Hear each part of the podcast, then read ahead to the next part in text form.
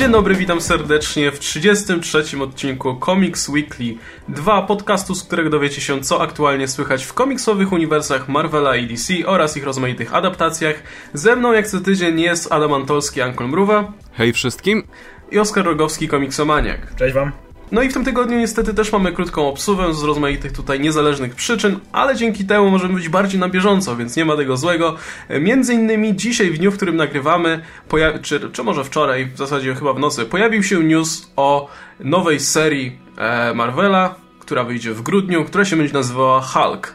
I żeby było łatwiej, będzie to seria z She-Hulk, co oczywiście wywołało już pewne kontrowersje, głównie zmiany, w tych środowiskach. Zmiany, tak, głównie w środowiskach, które tutaj nie orientują się za bardzo w sytuacji i nie wiedzą, że. Polityczna poprawność. I nie wiedzą, że She-Hulk tam istniała w komiksach od bardzo dawna, a także, że ona nie zastępuje de facto nikogo, bo seria z Amadeusem Cho, Totally Awesome Hulk dalej istnieje i pewnie będzie istnieć dalej, mimo że w sumie w Solicitations jej nie ma, ale zdaje się, że była zapowiadana wcześniej, ile się do, tutaj dobrze tak, pamiętam. Tak, i się śmieliśmy wtedy z tego, że jest tam Asian a, właśnie, tam była ta... Wszystkie azjatyckie postacie tam wciskają. Tak, była tam ta grupka azjatyckich postaci. I Kamala. To też jest w sumie, ma pochodzenie, tak?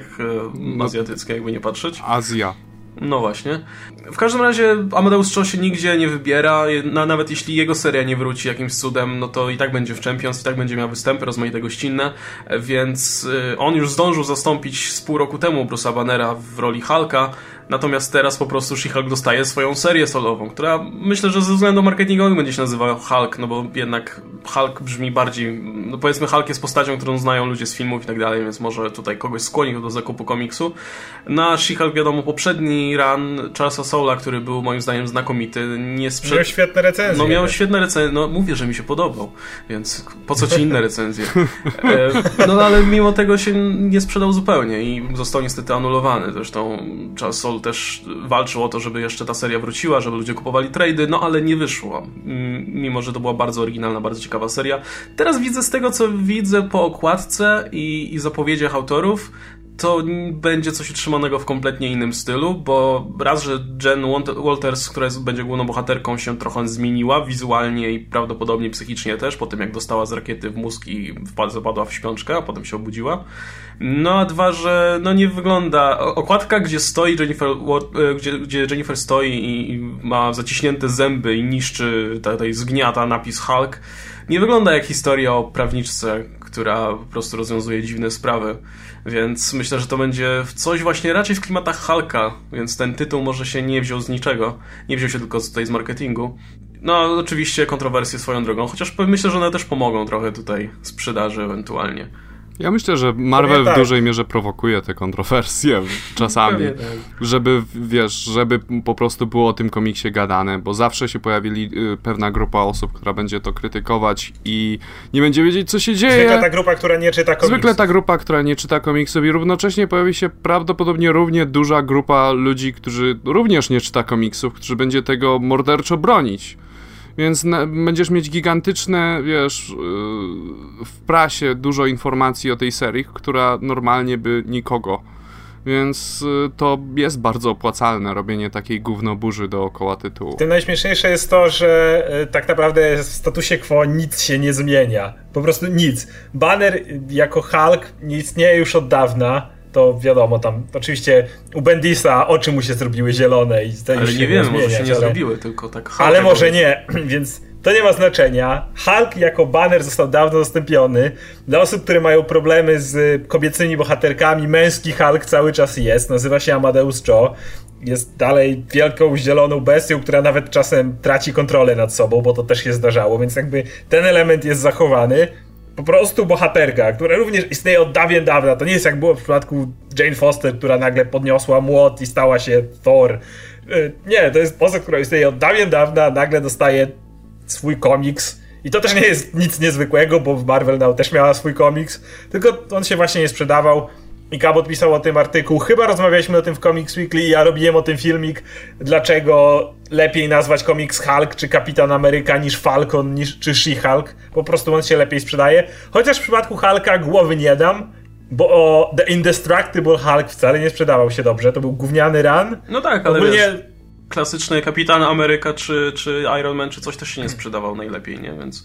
No, ale, ale, ale nie w sposób jakoś wyjątkowo niski, nie? Klasyczny Kapitan Ameryka miał te swoje 40 tysięcy sprzedanych egzemplarzy, po prostu tam Sam Wilson to przebił. Natomiast The Indestructible Hulk naprawdę miał mało, naprawdę był, wiesz, tam poniżej tych 20, więc jakby same solowe historie Hulka się nie sprzedawały, bo już rozmawialiśmy o tym też, że to dosyć nudna postać. I jakby dlatego tutaj nie jestem pewien, czy sam tytuł pomoże, ale na pewno w sumie da więcej niż gdyby nazywać kolejny numer Run She-Hulk, bo jak widać dobre recenzje nie pomogły w sprzedaży. Ja nie jestem pewien, czy y, to w ogóle cokolwiek pomoże, nazwanie tego tytułu She-Hulk, dlatego że jak do tej pory te wszystkie wielkie zamiany w Marvelu w dużej mierze jechały na samym fakcie, że to jest zamiana, I dlatego, że no tak jak było wspomniane już przez nas wcześniej, tworzyła się duża gównoburza zawsze dookoła tych tytułów, ale i też tworzyło się duże zainteresowanie, co to oznacza, jak ta historia będzie poprowadzona i tak dalej. W przypadku Hulk i She-Hulk, czy nie wiem jak teraz mu mówić, to wydaje mi się bardzo powierzchowne. To po prostu tytuł będzie się nazywać Hulk i to jakby tyle i będzie to po prostu komiks o She-Hulk. Dlatego nie wiem, czy to wywoła ten sam efekt i czy przypadkiem seria nie podzieli losu jak gdyby zarówno Hulka, jak i She-Hulk słabej sprzedaży i no, tyle. Niektórzy starają się ten efekt podgrzewać, natomiast faktycznie tutaj Pewne wydaje mi się, że po prostu nie ma tutaj absolutnie nic. To, to, no, tak jak powiedziałem, to nie jest zmiana statusu quo, która zwykle wiąże się z taką zmianą tytułu, nie? To ktoś podnosi tarczę kapitana Ameryki, czy Młot Thor, czy, czy Riri Williams zakłada zbroję, chociaż ona mi się nazywa Iron Heart, więc to też innego, ale nieważne.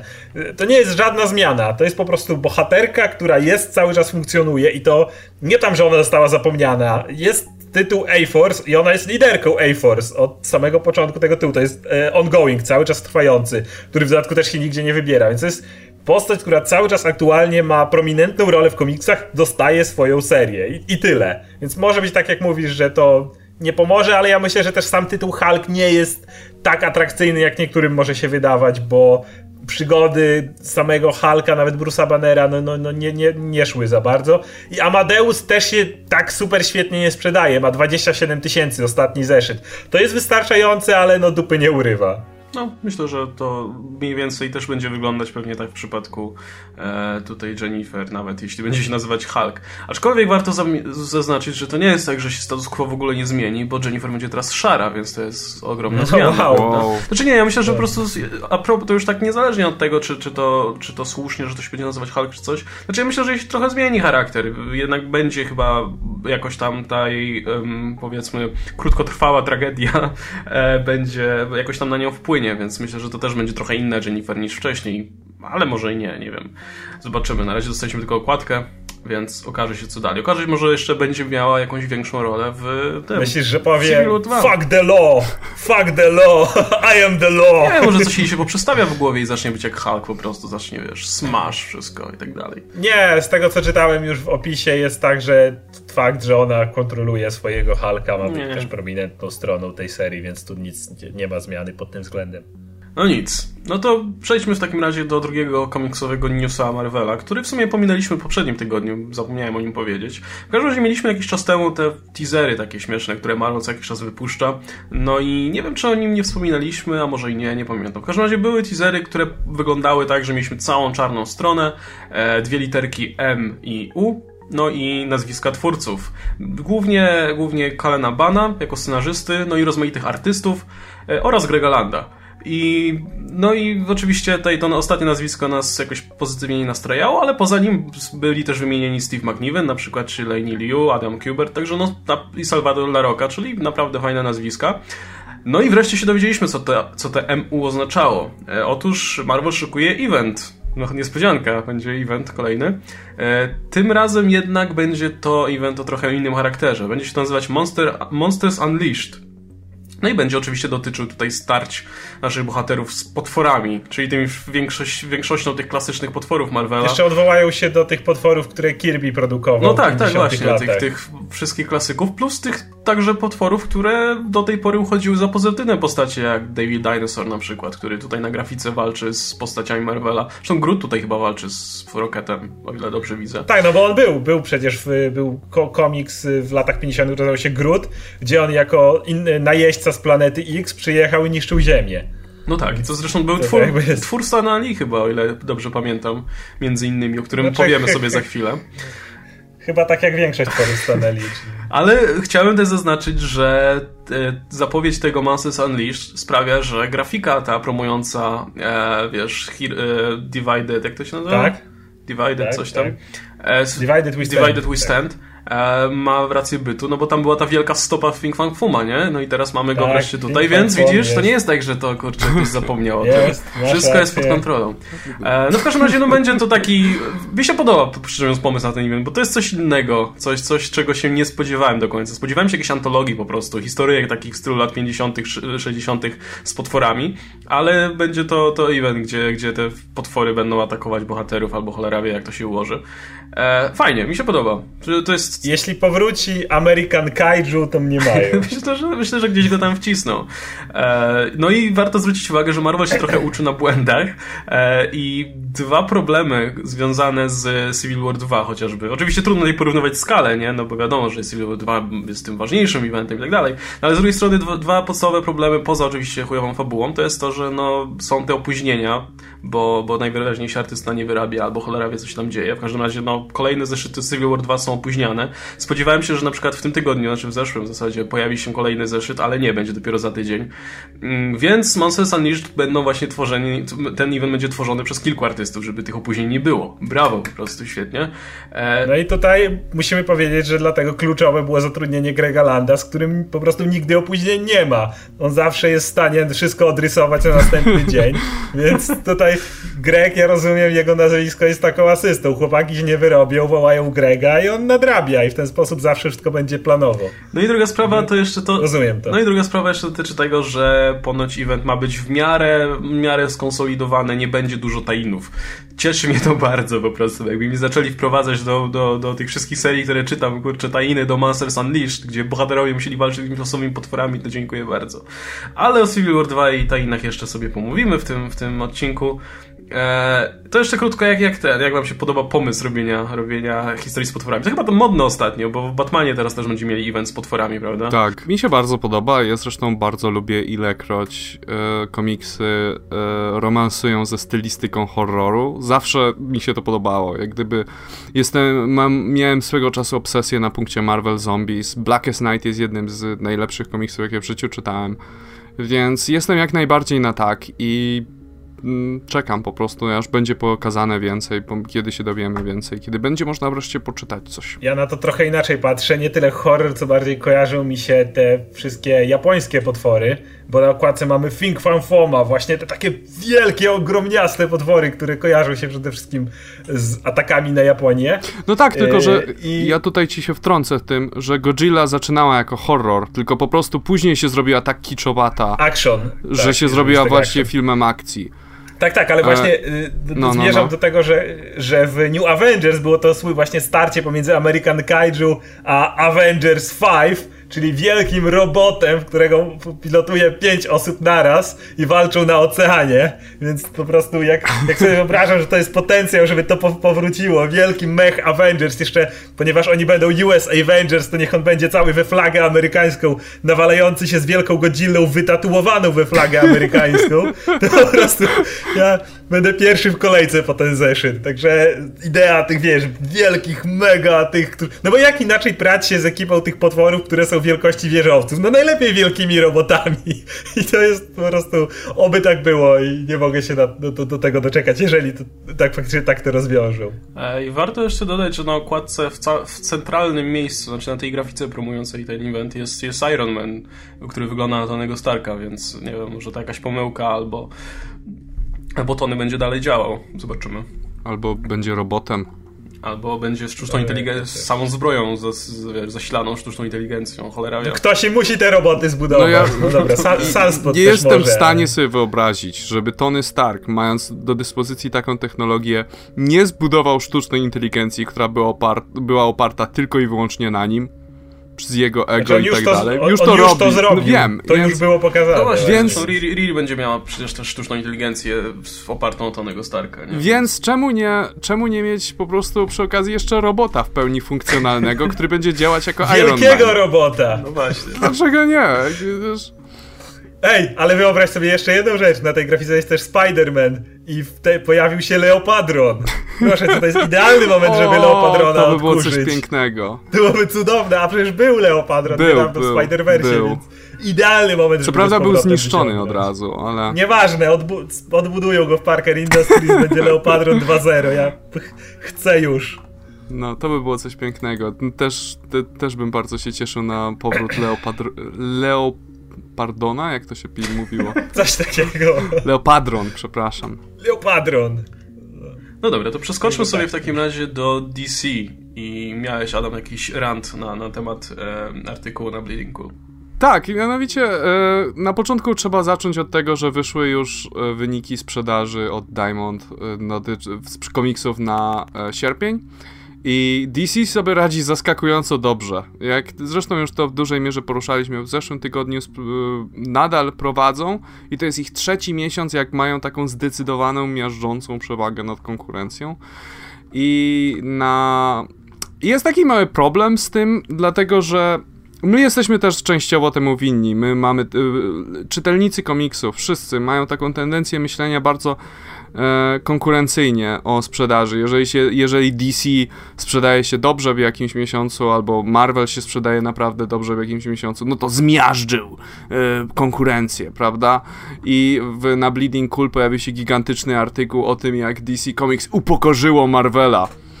I co odpowiedź była ze strony y, kilku znaczących ludzi w Marvelu, na przykład Nick Spencer powiedział, że no ja nie widzę większej różnicy, jeżeli mam komiks, który się sprzedaje w wysokości 40 tysięcy egzemplarzy i w jednym miesiącu jest na 40 miejscu, a na drugi, w drugim na 50. Ja nie widzę większej różnicy.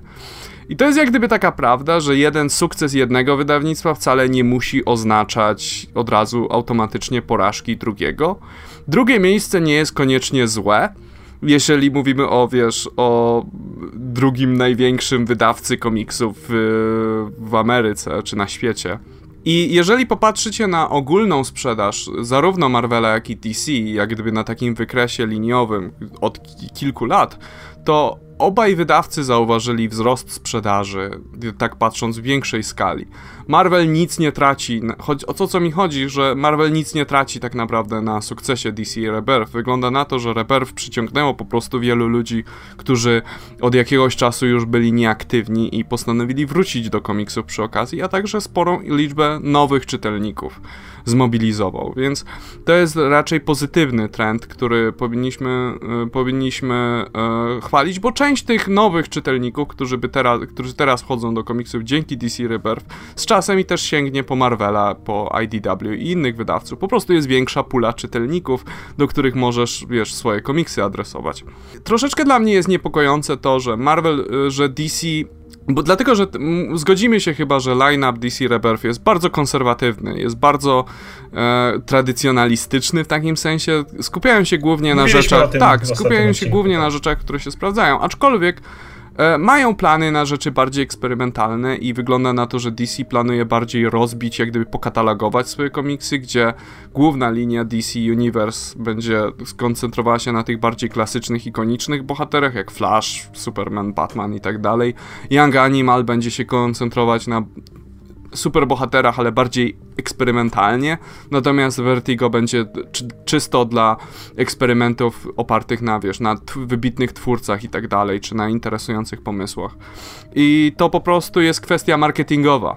To nie jest kwestia tego, że o, DC postanowiło coś, tylko dlatego, że tak DC, taką drogę DC wybrało do sprzedawania swoich komiksów. W ten sposób będzie łatwiej. Jeśli ktoś będzie zainteresowany tym, to sięgnie po prostu po ten imprint.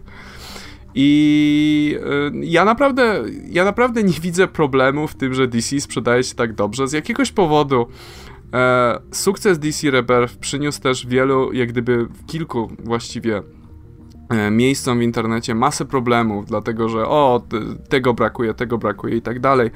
E, jest to jak gdyby de facto reboot wydawnictwa, więc należy zawsze dać, moim zdaniem, zawsze przy każdym takim quasi reboocie, czy reboocie, czy relaunchu, czy jakkolwiek no, to nazwiesz. Dać... to jest na pewno reboot. No, no, może, tak. Może nie fabularnie, czy jeśli chodzi o continuity, ale, ale wydawniczo mhm. na pewno. I musisz dać jakiś taki... Yy, okres, w którym y, to się musi jak gdyby ustatkować, żeby dopiero mogli zacząć eksperymentować, bo muszą w tej chwili ustanowić, gdzie DC właściwie stoi i co, co właściwie sobą reprezentuje. A już z Young Animal, o którym będziemy mówić w późniejszym e, w późniejszej chwili tego odcinka widać, że nie są całkowicie zamknięci na eksperymenty. Ja myślę, że wszelka taka krytyka może wynikać z e, tego, że mamy teraz też filmy i bardzo dużo osób ma duży problem z traktowaniem każdego dzieła indywidualnie. Na przykład, e, jeżeli wychodzi nowy film Marvela, to trzeba go automatycznie uwielbiać lub nienawidzić, nie? I tak samo, i w momencie, kiedy nagle wchodzimy na teren komiksów, których jednak większość nie czyta, ale powiedzmy teraz w nie wchodzi, to skoro już jesteśmy zamknięci w tych, tych ramkach, to automatycznie trzeba się do tego dostosować, więc skoro DC radzi sobie teraz tak dobrze, y, lepiej od Marvela, w filmach jest y, odwrotnie, no to trzeba, wiesz, tak trochę znaleźć, trochę, a to oni robią to nie tak, bo oni robią coś źle, no bo wiesz, nie, nie, bardzo dużo osób ma problem z taką powiedziałem na przykład stwierdzenia, że w tej chwili woli czytać, e, nie wiem, parę komiksów DC, a oglądać filmy Marvela na przykład. To jest taki bardzo duży problem, więc w takim wypadku, skoro ja wolę Marvela, to ja wolę Marvela po całości, a jeżeli DC sobie, DC sobie teraz dobrze radzi, no to wiesz, to mają problem z tym, to powinni mieć problem z tym, to poszli na łatwiznę tu, rozumiesz? tak, rozumiem. Wydaje mi się, że jest problem tego całościowego myślenia, które jest głupie po prostu. Nie, to jest takie tybul, ty, takie y, tubylcze myślenie, gdzie o, ja muszę, tak, tak. ja muszę być z Marvelem, ja muszę być z DC tak. i znaczy... niestety zauważam to po obu stronach spektrum, gdzie... Oczywiście. Like, Wyluzujcie ludzie, to są tylko komiksy. Niektórzy to nazywają Naprawdę. po prostu corporate, corporate slave jest tak, to, momencie, to, to, to... wiesz... Jesteś niewolnikiem dosłownie na, na usługach, który tylko, wiesz, biegnie na pierwszej linii jako mięcho armatnie w obronie swojej marki, chociaż mu nie płacą. Tak, wielkie korporacje mają ciebie w dupie, tak, drogi słuchaczu, który tak, tak bardzo tak się przejmujesz tak wynikami całujesz. sprzedaży i do tego stopnia, że nie możesz spać w nocy, bo mój Boże, Marvel sprzedaje się gorzej niż DC. Chociaż nie sprzedaje... Nie, na, o, o co mi chodzi, że tak, DC sprzedaje się lepiej, ale Marvel nie sprzedaje się gorzej niż wcześniej. Więc Zresztą, biorąc pod uwagę, w jakim punkcie jest teraz Marvel, w zasadzie będąc u schyłku, powiedzmy, tej linii wydawniczej, zaczynając za chwilę nową i tak dalej, to myślę, że nie narzekają na razie tam na sprzedaż, biorąc pod no. uwagę, że, że no, w miarę solidnie się te ich tytuły sprzedają w większości. Wiadomo, że no, my tutaj chwalimy inicjatywę Rebirth głównie za, nie wiem, podejście do, do tego, jak te no komiksy no tak. są pisane i tak dalej, ale no też nie, nie, nie ma co od, wiecie, no nie, nie ma co mówić o zmiażdżeniu czy, czy o czymś w tym stylu. Tak, bo... nie, to jest nonsens. Ale, ale Rebirth jest sukcesem przede wszystkim w kontekście DC, bo jest wielkim sukcesem dla fanów DC. To jest sukces dla ludzi, dla których New 52 nie było tym, czego szukali, a Rebirth jest właśnie sukcesem, bo mogą powrócić do tych postaci. Jakby to jest, to jest triumf fanów DC w jakiś ale to sposób, jest... a nie triumf jakiś, wiesz, miażdżący rynek, czy coś takiego. To jest po prostu coś, czego fani DC powinni się cieszyć. I... Ale to jest też sukces, który jak gdyby, to jest triumf dla wszystkich, dlatego, że to jest też triumf tak. dla fanów New 52, którzy nie stracili swojego continuity tak. i dostaną, wiesz, w pełni na poważnie wyjaśnienie, jak te dwa światy starego uniwersum i nowego się ze sobą łączą, czego do tej pory nie mieliśmy. Więc y, nadal masz ciągłość, więc nic nie tracisz.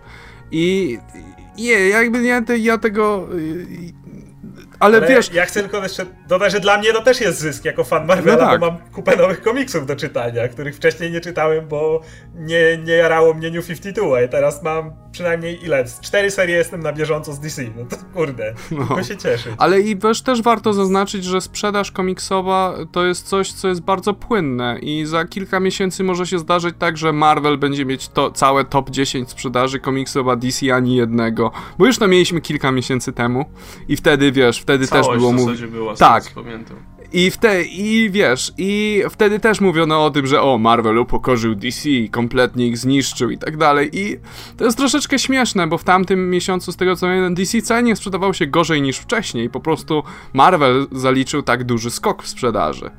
I... W sumie jakby nie patrzeć, wszystko jest wielkim sukcesem nas jako fanów komiksów, tak. bo to cały czas oznacza, że po prostu coraz więcej ludzi czyta komiksy. A im więcej, a im bardziej te dwa wydawnictwa cały czas skaczą sobie do gardeł i tym im bardziej starają się, wiesz, siebie przeskoczyć, tym lepiej dla nas, dlatego że starają się, wiesz, poprawić jakość swoich komiksów i dostarczyć nam jak najlepszy produkt. Chyba, że się trzymają zagrywek jak Marvel z, wiesz, z wciskaniem, z wciskaniem A nie, no to... tajinów, jedynek, Kiri Launcher i tak dalej, kiedy wcale ich nie no tak. potrzebujesz, tak. ale to, to no, ale... dwie strony medalu, wiadomo. Ale bardzo podoba mi się to takie antykorporacyjne podejście, jakie tutaj wpadło nagle, żeby nie ufać korporacjom, bo i tak mają nas w dupie. Ja się z tym zgadzam zdecydowanie. Taki nasz apel właśnie, myślę, że, że się zgodzicie, żeby no nie warto być jakiegoś wydawnictwa, nie warto być fanboyem Marvela czy DC. Wspier nawet, nawet myślę, że nie warto specjalnie no to może bardziej kontrowersyjne, ale moim zdaniem no, nie warto nawet być fanem konkretnej postaci, tylko warto wspierać twórców i podążać za samymi twórcami, gdzie oni by nie poszli, bo te postacie też są głównie własnością tych, tych wydawnic i robią z nimi co im się tam podoba, a twórcy, twórców trzeba wspierać. No. A propos tego widziałem właśnie wpisy na różnych forach, kiedy ludzie mówią, na przykład zachwycają się nowym ranem, nie wiem, Visiona na przykład, i ktoś mówi, że o ten, że Vision, że szkoda, że tego w Polsce nie ma i za chwilę pojawia się cała masa osób, która mówi, co niedługo w Polsce z Visionem się pojawi. Ale jakby nie chodzi o to, żeby cokolwiek czytać tak. z daną postacią, chodzi o to, żeby czytać No właśnie, konkretnie... to, to trzeba by raczej poszukać czegoś, co Tom King napisał, zostało De Deadpool Waya, a Deadpool Dugana, Pozena, to jakby trochę inny Deadpool. I tak. Ja chcę troszeczkę rozwinąć myśl, którą tutaj Łukasz powiedział. To było bardzo piękne, co Łukasz powiedział, ale ja chcę to troszeczkę tutaj dodać. Myślę, że y, prawdziwi fani postaci stają się danej postaci, jeżeli jesteś fanem jakiegoś konkretnego Batmana, Supermana, Spidermana czy czegoś, stajesz się nie dzięki tej postaci, a dzięki właśnie twórcom, którzy stoją za nią, którzy robią coś interesującego z tą postacią. I możesz być fanem i wiesz, i troszczyć się o, nie wiem, Spidermana czy coś. E, ale w momencie, jeżeli e, nie jesteś w stanie jak gdyby zauważyć twórców stojących za tym sukcesem, za tym, co właściwie kochasz w tej postaci, jak gdyby tylko i wyłącznie chronisz gigantyczną korporację. To jest takie, mieliśmy ostatnio wielkie jak gdyby uznanie autorstwa, na przykład Jackowi Kirby'emu, czy... E, czy Billowi Fingerowi. I to moim zdaniem to, y, to jest taki przykład na to, jak często twórcy, twórcy tych postaci, którzy tworzą najbardziej ikoniczne rzeczy, które kochamy w tych, y, w tych wszystkich historiach, są często ruchani przez te wydawnictwa równo i wiesz, i, i są skazani na zapomnienie. I e, jak gdyby musimy, kiedy nawet będąc fanem danej postaci, czy będąc wydawnictwa, musisz bardziej zwracać uwagę na twórców, niż na po prostu, wiesz, korporacyjny merchandise. No zresztą warto, to, to jest w ogóle dobra wskazówka dla nowych czytelników, początkujących w temacie, że jeśli nie wiecie jaki komiks wybrać, kierujcie się zwykle autorem po prostu. Jeśli jakaś historia danego autora wam się podobała, to zamiast szukać innej historii z tym samym bohaterem, pisaniem przez kogoś innego, może warto by właśnie iść drogą i popatrzeć, co innego ten autor stworzył. To ja poznałem masę świetnych komiksów głównie dzięki temu, że zaufałem jakiemuś autorowi. To oczywiście też nie jest idealna metoda, różnie, różnie to bywa, ale myślę, że to jest, to jest bardzo dobry sposób, żeby poznać dużo komiksów, no i wspierać właśnie konkretnego autora autora, jeśli lubisz to, co, to, co on znaczy, robi. Też warto, warto pamiętać o drugiej stronie medalu, to znaczy, jeżeli lubisz daną postać i czytasz jakby jeden run danego autora, to nie warto skreślać kolejnego, bo się autor zmienia. Czasami też nowy autor potrafi wnieść y, nowe, ciekawe rzeczy i to o tym też trzeba pamiętać jakby. Ja na przykład, ja, ja się tym kieruję, że jeżeli jestem fanem kilku postaci w Marvelu i czytam je ze względu, tak jak mówiliście, na autora, który pisze postać świetnie, zmienia się ekipa, poczytam i czasami jestem bardzo pozytywnie zaskoczony innym podejściem, no a czasami potem to jest śmieć, który się po prostu wyrzuca, jak pewnie dzisiaj jeszcze powiemy o kilku takich numerach, ale ale to, to, to też jest, jest istotne, jakby, jakby inny autor to też jest inne, inne spojrzenie na postać i, i czasem jest lepsze, czasem gorsze. Ale mój, trzeba pamiętać też o tym, to Grant Morrison raz powiedział w Animal Manie, tak się odniosę, taki mały preview do tego, o czym będziemy mówić później, że jak gdyby światy komiksowe to są światy zarządzane przez komitet. To są światy, których jest, wiesz, jakby grupa ludzi, wiesz, takich redaktorów, którzy decydują o tym, czy ktoś będzie żyć, czy nie, czy mu się urodzi dziecko, czy będzie się w kimś kochać i czy będzie ta miłość szczęśliwa, widzę Spider-Man. E, I e, to nie jest w 100% sterowane przez twórców. I należy też pamiętać właśnie o, to, że, o tym, że no to nie jest czasami i częściej niż rzadziej wpływa na jakość też tych historii. Więc warto też, i tutaj pozdrawiamy naszych znajomych z drugiego podcastu Kadr Ciwoko, warto też sięgnąć czasami do bardziej indie komiksów, gdzie twórcy mają pełną kontrolę nad tym, co opowiadają. No i właśnie też nawiążę do tego, co miałem przed chwilą, że też warto, bardzo warto, ze swojego doświadczenia powiem, jeśli lubicie czytać jakiś komiks superbohaterski, sprawdzić, co ten autor robi niezależnie, bo często są to naprawdę fantastyczne rzeczy, no bo autora nie wiąże po prostu cała właśnie um, no te, te ramy, które się wiążą z pisaniem postaci osadzonej w jakimś tam długim continuity. Także, ale akurat w imię czy Vertigo wychodzi sporo dobrych komiksów, autorów, którzy mają uznanie tutaj w superbohaterskim świecie i war, warto te rzeczy sprawdzić. Um, szczególnie, że wiele z tych komiksów wychodzi w Polsce, te komiksy są zwykle tańsze i no i dochód idzie, no, do, dochód większej, powiedzmy, autor na tym więcej zarobi niż na, niż na pisaniu e, postaci należących do wielkich wydawnictw. Z których i tak dostaje stałą pensję. To jest dobry moment, żeby przejść do Stanley. No właśnie, pojawił się, pojawił się temat Stanali, pojawił się temat Boże. Jacka Kirby'ego, także e, warto powiedzieć o pewnym newsie, który mnie myślę trochę zaskoczył. To znaczy mm, pojawi się film o Stanley, bo wytwórnia 20th Century Fox kupiła prawa do żywotu tutaj Stanley, e, ale nie będzie to biografia. Co też mnie trochę zaskoczyło, bo myślę, że biografia Stanley, jeszcze z jego perspektywy, to mógłby być naprawdę ciekawy, ciekawy materiał na, na film. Ale nie, to będzie film akcji. E, taki, w takim szpiegowskim stylu trochę. E, osadzony w latach 70., o ile dobrze się orientuję. No i ze Stanem w głównej roli, bo oczywiście Stanley jest tak, tutaj. Stanley będzie super agentem. No, Stan, Stanowi jest po prostu mało, no już ma, mało mu bycia legendą tej komiksu, która w pojedynkę stworzyła w ogóle cały gatunek ale jeszcze teraz będzie kurczę bohaterem kina, no także no, ja jestem cały czas pełen podziwu, jak, jak ten człowiek się potrafi ustawić w życiu. Jest to dla mnie naprawdę wzór i idol, jeśli chodzi o to, ile można osiągnąć naprawdę i jak, jak, jak mistrzostwo autopromocji można po prostu osiągnąć. Znaczy, mistrzostwo autopromocji, autopromocji to jest dobre słowo na określenie całej kariery Stanley. Znaczy ja do Stanley mam ogromny szacunek, ale absolutnie nie za to, za co większość osób myśli. Jest taka, taka, takie wyobrażenie Stanley, które on sam sobie niejako stworzył i które zostało łyknięte po prostu przez y, społeczeństwo jak młode, przez młode pelikany tego, tego dobrego dziadka, który stworzył wszystkie te postacie, z jego głowy one wyskoczyły po prostu. I on tak to wiecie, wszystko wymyślił i ci koledzy trochę mu pomogli. No tam coś tam narysowali, ale, ale tam... Coś tam mu pomogli. I wszyscy za to kochają, stanęli, że on ich dzieciństwo, czy młodość w ogóle stworzył. Jakby absolutnie za to nie mam do niego szacunku. ja, mam, ja mam do niego szacunek za coś zupełnie innego, czyli fakt, że gdyby koleś nie był tak zajebiście dobrym salesmanem, to, jest naprawdę strasznym chujem przy tym, ale. To myślę, że to, tak jest, tak to jest, są cechy, które się wiążą to, ze sobą. Tak, pewnie się wiążą. To prawdopodobnie dzisiaj mógłbym nie znać tych bohaterów, tak się nimi interesować, oni mogliby się wcale nie przebić. Marvel mógłby w ogóle nie istnieć albo nie istnieć w takiej formie, jakiej istnieje. Także jakby za to będę miał do Stana zawsze szacunek, no ale tutaj warto, zaraz pewnie powiemy o tym szerzej. E, Zresztą o, ostatnio był taki fajny w Screen Junkins robili roast Kapitana Ameryki i był powiedziane, co, co powiedziałaby Black Widow o ewentualnym romansie z Steve'em Rogersem, więc powiedziałaby, że gdyby chciała e, to usłyszała słowa be fucked by a 95 year old man, I would choose Stan Lee, że brałaby Stanley Cause he knows how to fuck you, right, Jack Kirby? to, to było takie według mnie po prostu idealne podsumowanie tego. Wiesz co, to jest taki, w dużej mierze to jest związane z tak zwaną metodą Marvela. Gdzie metoda Marvela polega na tym, że Stanley dawał artyście Jackowi Kirby'emu albo Steve'owi Ditko taki ogólny zapis fabuły, na przykład e, narysuj komiks jak e, Spider-Man walczy z Shockerem. I to jest cały opis komiksu, zeszytu, jaki dał, e, jaki dał e, Stan.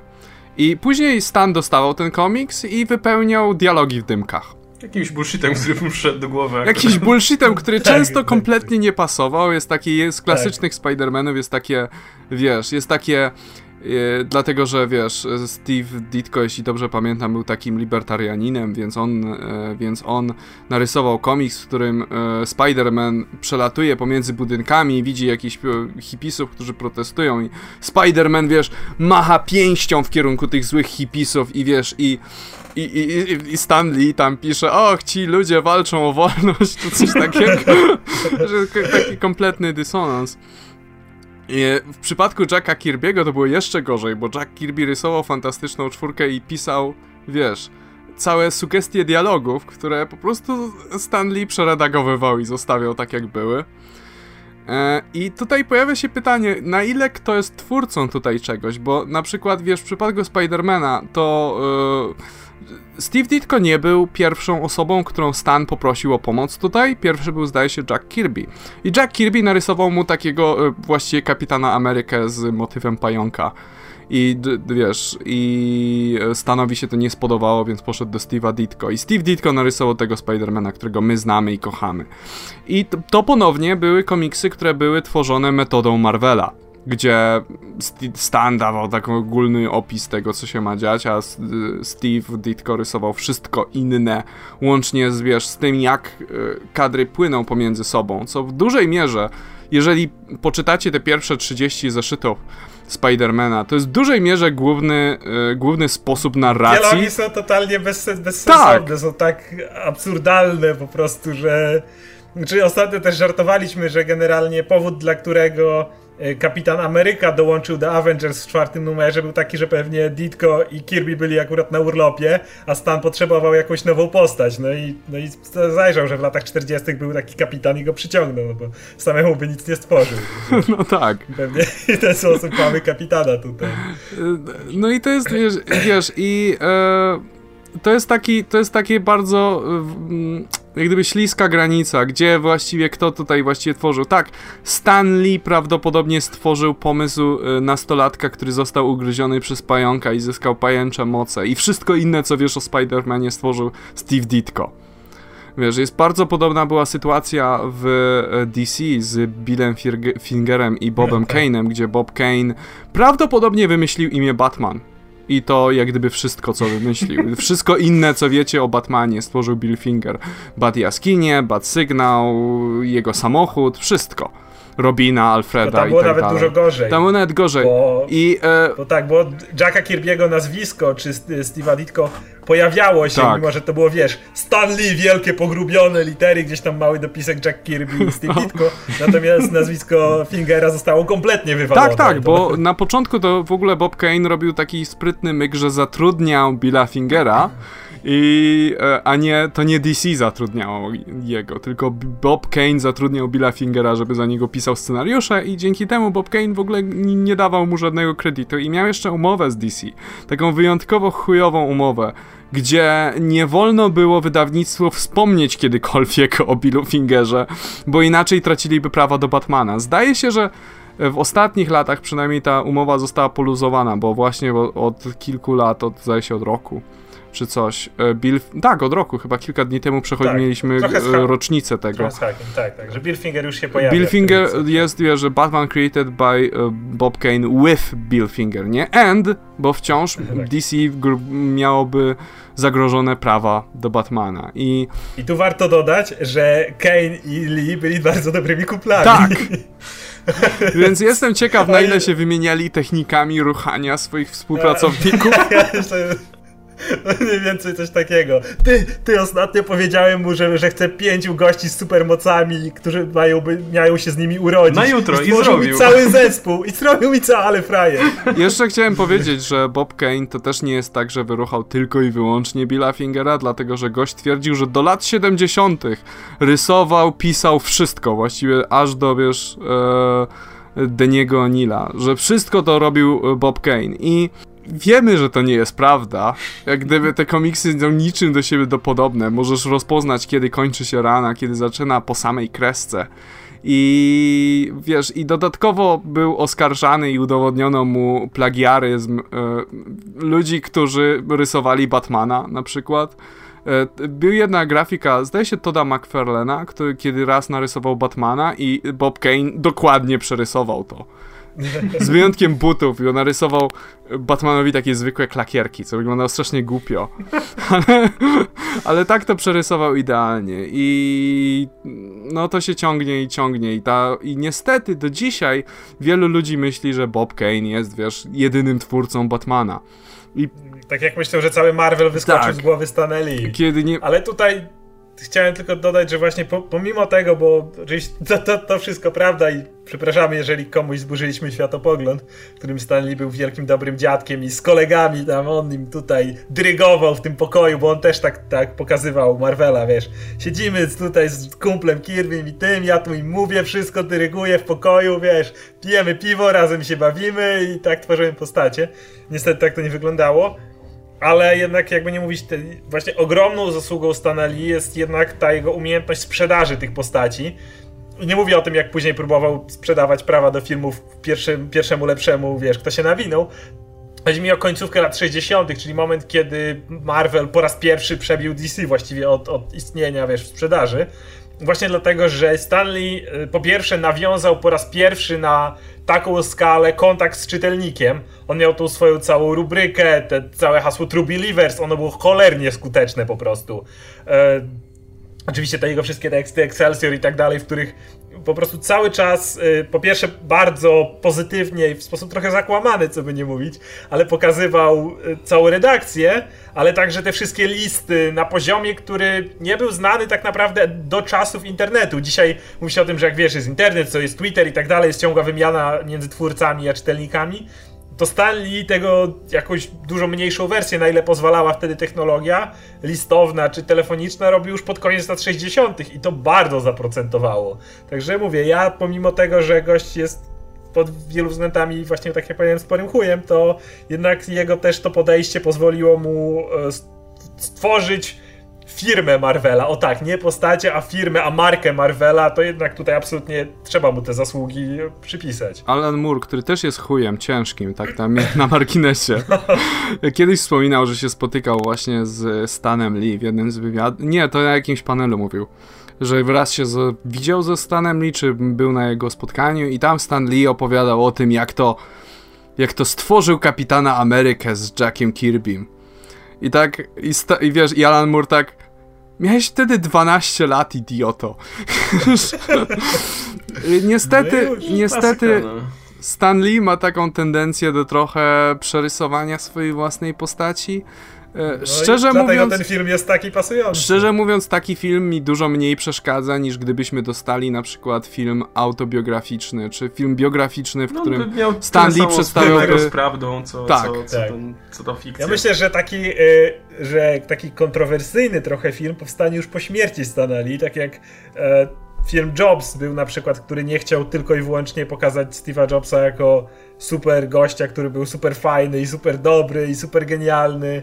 Tak, tylko że wiesz, Myślę, akurat że taki... Jobs miał taki stosunek do siebie, jak, jak powstawała ta jego biografia Isaksona, no to on powiedział, że chce to mieć w ogóle, nie będzie tego czytał, ale chce mieć, żeby, żeby to było prawdziwe. No tak, tak. Stan nie ma kompletnie inne, inne wiesz, sposób na siebie, myślę, więc myślę, że nie ma szans. Stanley żyje, póki Stanley żyje, a życzę mu tego, żeby żył jak najdłużej, bo jakby nie patrzeć, te cameo w filmach Marvela są całkiem sympatyczne, natomiast y, myślę, że dopiero taka trochę bardziej prawdziwy obraz jego dostaniemy po jego śmierci. No wiesz, jak u nas w Polsce kontrowersję wy, y, wywołała niezwykła historia Marvel Comics, która opowiadała praktycznie tak jak było w przypadku Stana Lee i wiesz, i masa osób w Polsce, co?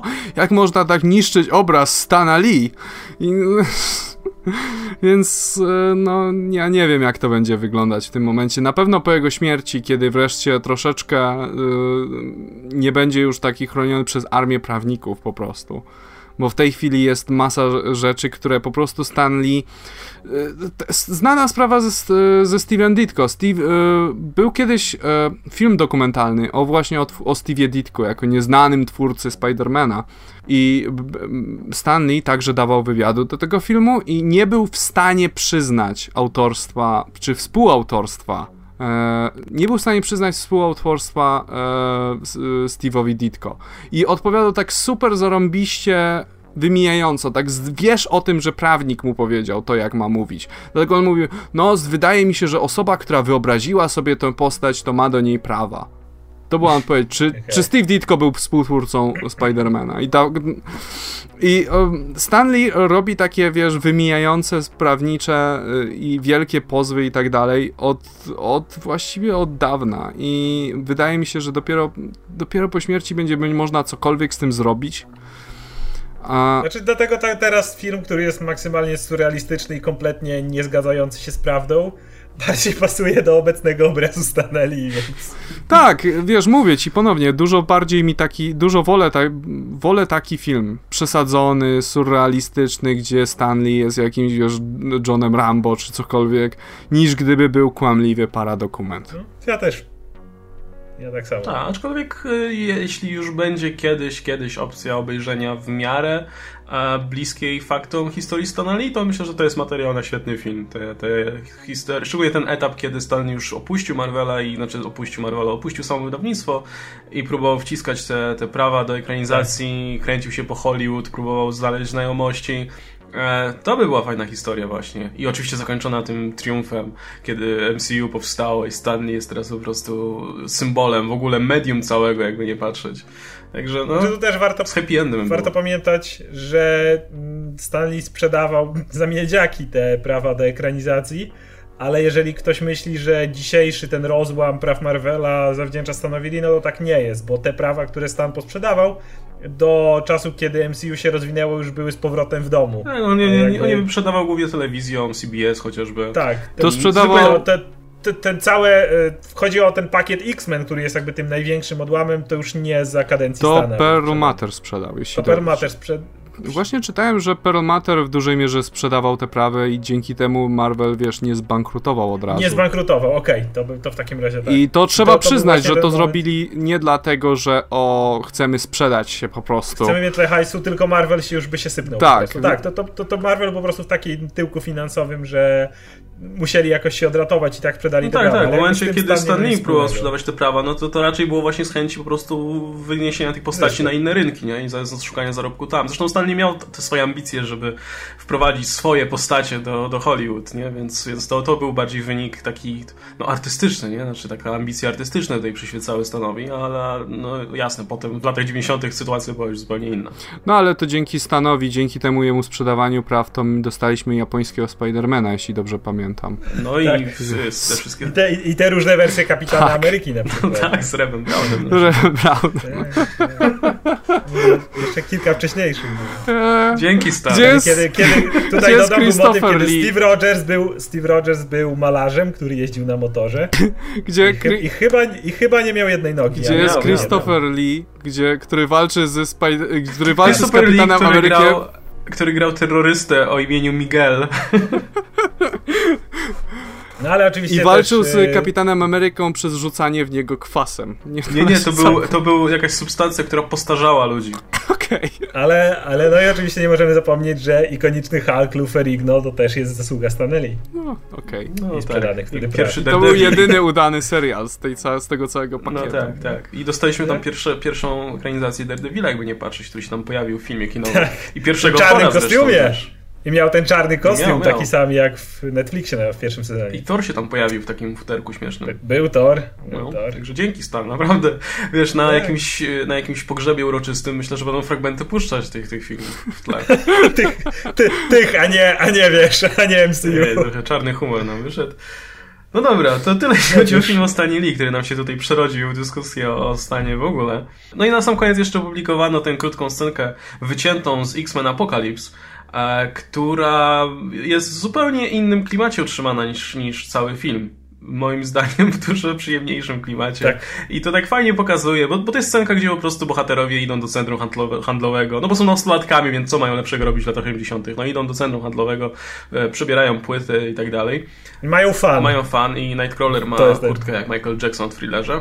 E, no i mają fan, właśnie, kurde, to tak pięknie pokazuje, jak Singer nie kuma X-Men, bo, bo, bo esencją X-Men jest zawsze po prostu oglądanie ich jako ludzi i, i tych relacji takich bardzo naturalnych, bo, bo o to chodzi właśnie, żeby, żeby te komiksy pokazywały normalne ludzkie relacje, tylko rzeczywiście w innej, innej otoczce, w, innych, w innym kontekście, no bo mówimy o mutantach, superbohaterach i tak dalej. No u Singera po prostu musi być dramat i podniosła muzyka i monologi wykrzyczane w twarz i tak dalej i, i nic dziwnego, że nie było miejsca na taką uroczą scenkę w tym filmie. No właśnie... I to też pokazuje właśnie problem tych ekranizacji Singera. No właśnie jak zobaczyłem tą scenę, to tak sobie pomyślałem na początku, kurde, fajnie byłoby, jakby ta scena pojawiła się w filmie, ale potem sobie przypomniałem, że jak za piątym razem Apokalips mówił, że chce zniszczyć świat i na jego miejscu zbudować lepszy, to jeszcze nie byłem pewien co do jego intencji. Jeszcze nie byłem przekonany, czy on na pewno chce zniszczyć ten świat i czy na pewno potem chce zbudować lepszy. I kiedy powiedział to po raz szósty, to też sobie powiedziałem, a jest, jak teraz, teraz jestem pewien, że ten gość będzie chciał zniszczyć świat i na jego miejscu zbudować lepszy. Także coś za coś. No szósty raz powiedzenie tego albo ta scena, także rozumiem decyzję Singera. No, no coś, coś musiało ustąpić. A tak zupełnie poważnie to y, można się odnieść do właśnie filmiku e, krytykującego Batman v Superman, jednego z wielu, w którym gość mówił o tym, że Snyder, ale to też odnosi się do Singera, nie łapie tego, że żeby w filmie były momenty, czyli te właśnie chwile, w których, wiecie, czujemy jakąś epickość, jakieś, jakieś zaangażowanie emocjonalne, potrzebują tak zwanych scen, czyli takich cichych, spokojnych racji, w których nic takiego się nie dzieje. On tutaj porównał i uważam, że słusznie cały motyw Avengers Age of Ultron, które było słabszym filmem, ale miało cały ten element, kiedy Avengers siedzieli na farmie i na dłuższą metę nic się wielkiego nie działo.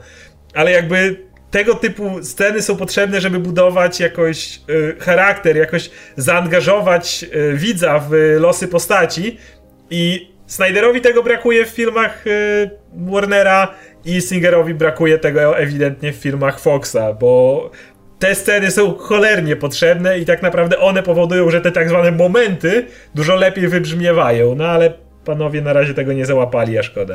No ja, się, ja widziałem ten filmik i zgadzam się z nim kompletnie. Zresztą to są rzeczy, które w dużej mierze już poruszaliśmy na naszym podcaście, gdzie wiesz, Singerowi, gdzie zarówno Singerowi, jak i Snyderowi brakuje takiej zdolności pisania bohaterów, takimi, tak żeby wydawali się pełnowymiarowymi postaciami, a nie po ludźmi, a nie po prostu, wiesz, o, tutaj jest twój, tutaj to jest twój, twoja zabawka, która walczy się z drugą zabawką, jak po prostu jakbyś oglądał dziecko, które się bawi figurkami. I no tak, zgadzam się kompletnie tutaj. Najzabawniejsze jest tym wszystkim, że jednak Singer nakręcił tą scenę, tylko potem serio, nie, nie, nie, nie, to nie to.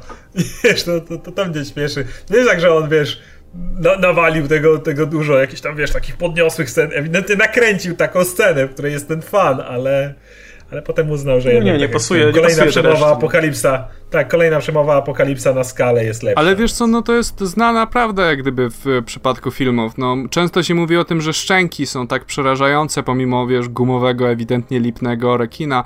Właśnie przez to, że pierwsza połowa filmu to jest taki nudny film obyczajowy, w którym zaczy- tak. poznajesz tych bohaterów wszystkich, którzy później, wiesz, brutalnie umierają.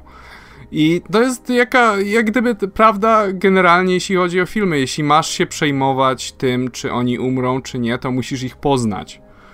I niestety obaj reżyserowie kompletnie tego, kompletnie to zatracają. I ja przy Batman v Superman brakowało mi kompletnie relacji pomiędzy bohaterami i brakowało mi tego, gdzie faktycznie by było jakieś zrozumienie pomiędzy nimi. I w przypadku, jeśli chodzi o X-Men, nigdy poza First Class tego nie czułem i być może X-Men 2. No, to prawda. Znaczy w X-Men 2 były takie momenty, ale to nie było zrobione dobrze, bo to też jednak był Singer i nawet nawet te momenty, gdzie masz po prostu bohaterów będących sobą, to, to jest taki teen angst, taki wiesz, taki, no, no nie jest to luz na pewno, który jest, no, który jest charakterystyczny dla wielu komiksów. Ale w First Class faktycznie, no były te momenty, gdzie czuć było po prostu, że to są młodzi bohaterowie, którzy się bawią swoimi mocami i tak dalej. Tak. Ta scenka, gdzie oni tam są zebrani w tym jednym pomieszczeniu i się chwalą, kto co potrafi, potem rozpieprzają to wszystko dookoła wymyślają. Chodzi mi o tą scenkę, gdzie tam potem się show pojawia i tam wszystkich zabija. Ale to właśnie wtedy oni sobie wymyślają różne takie głupowate ksywki no właśnie. To jest to, coś, co musisz zobaczyć w filmie o młodocianych mutantach. No to, to jest po prostu mus. A przecież filmy Singera są filmami ze szkołą, z klawiera w tle, a tego w ogóle nie ma, więc to taki mój, jeden z moich podstawowych zarzutów w zasadzie do, do całej tej, całego tego cyklu filmu. I wystarczy popatrzeć, że tak powiem, po tej samej stronie płota, czyli dalej wytwórnia Fox i w Deadpoolu sceny, w których on siedzi z Blind Ali, ona skleja e, ten,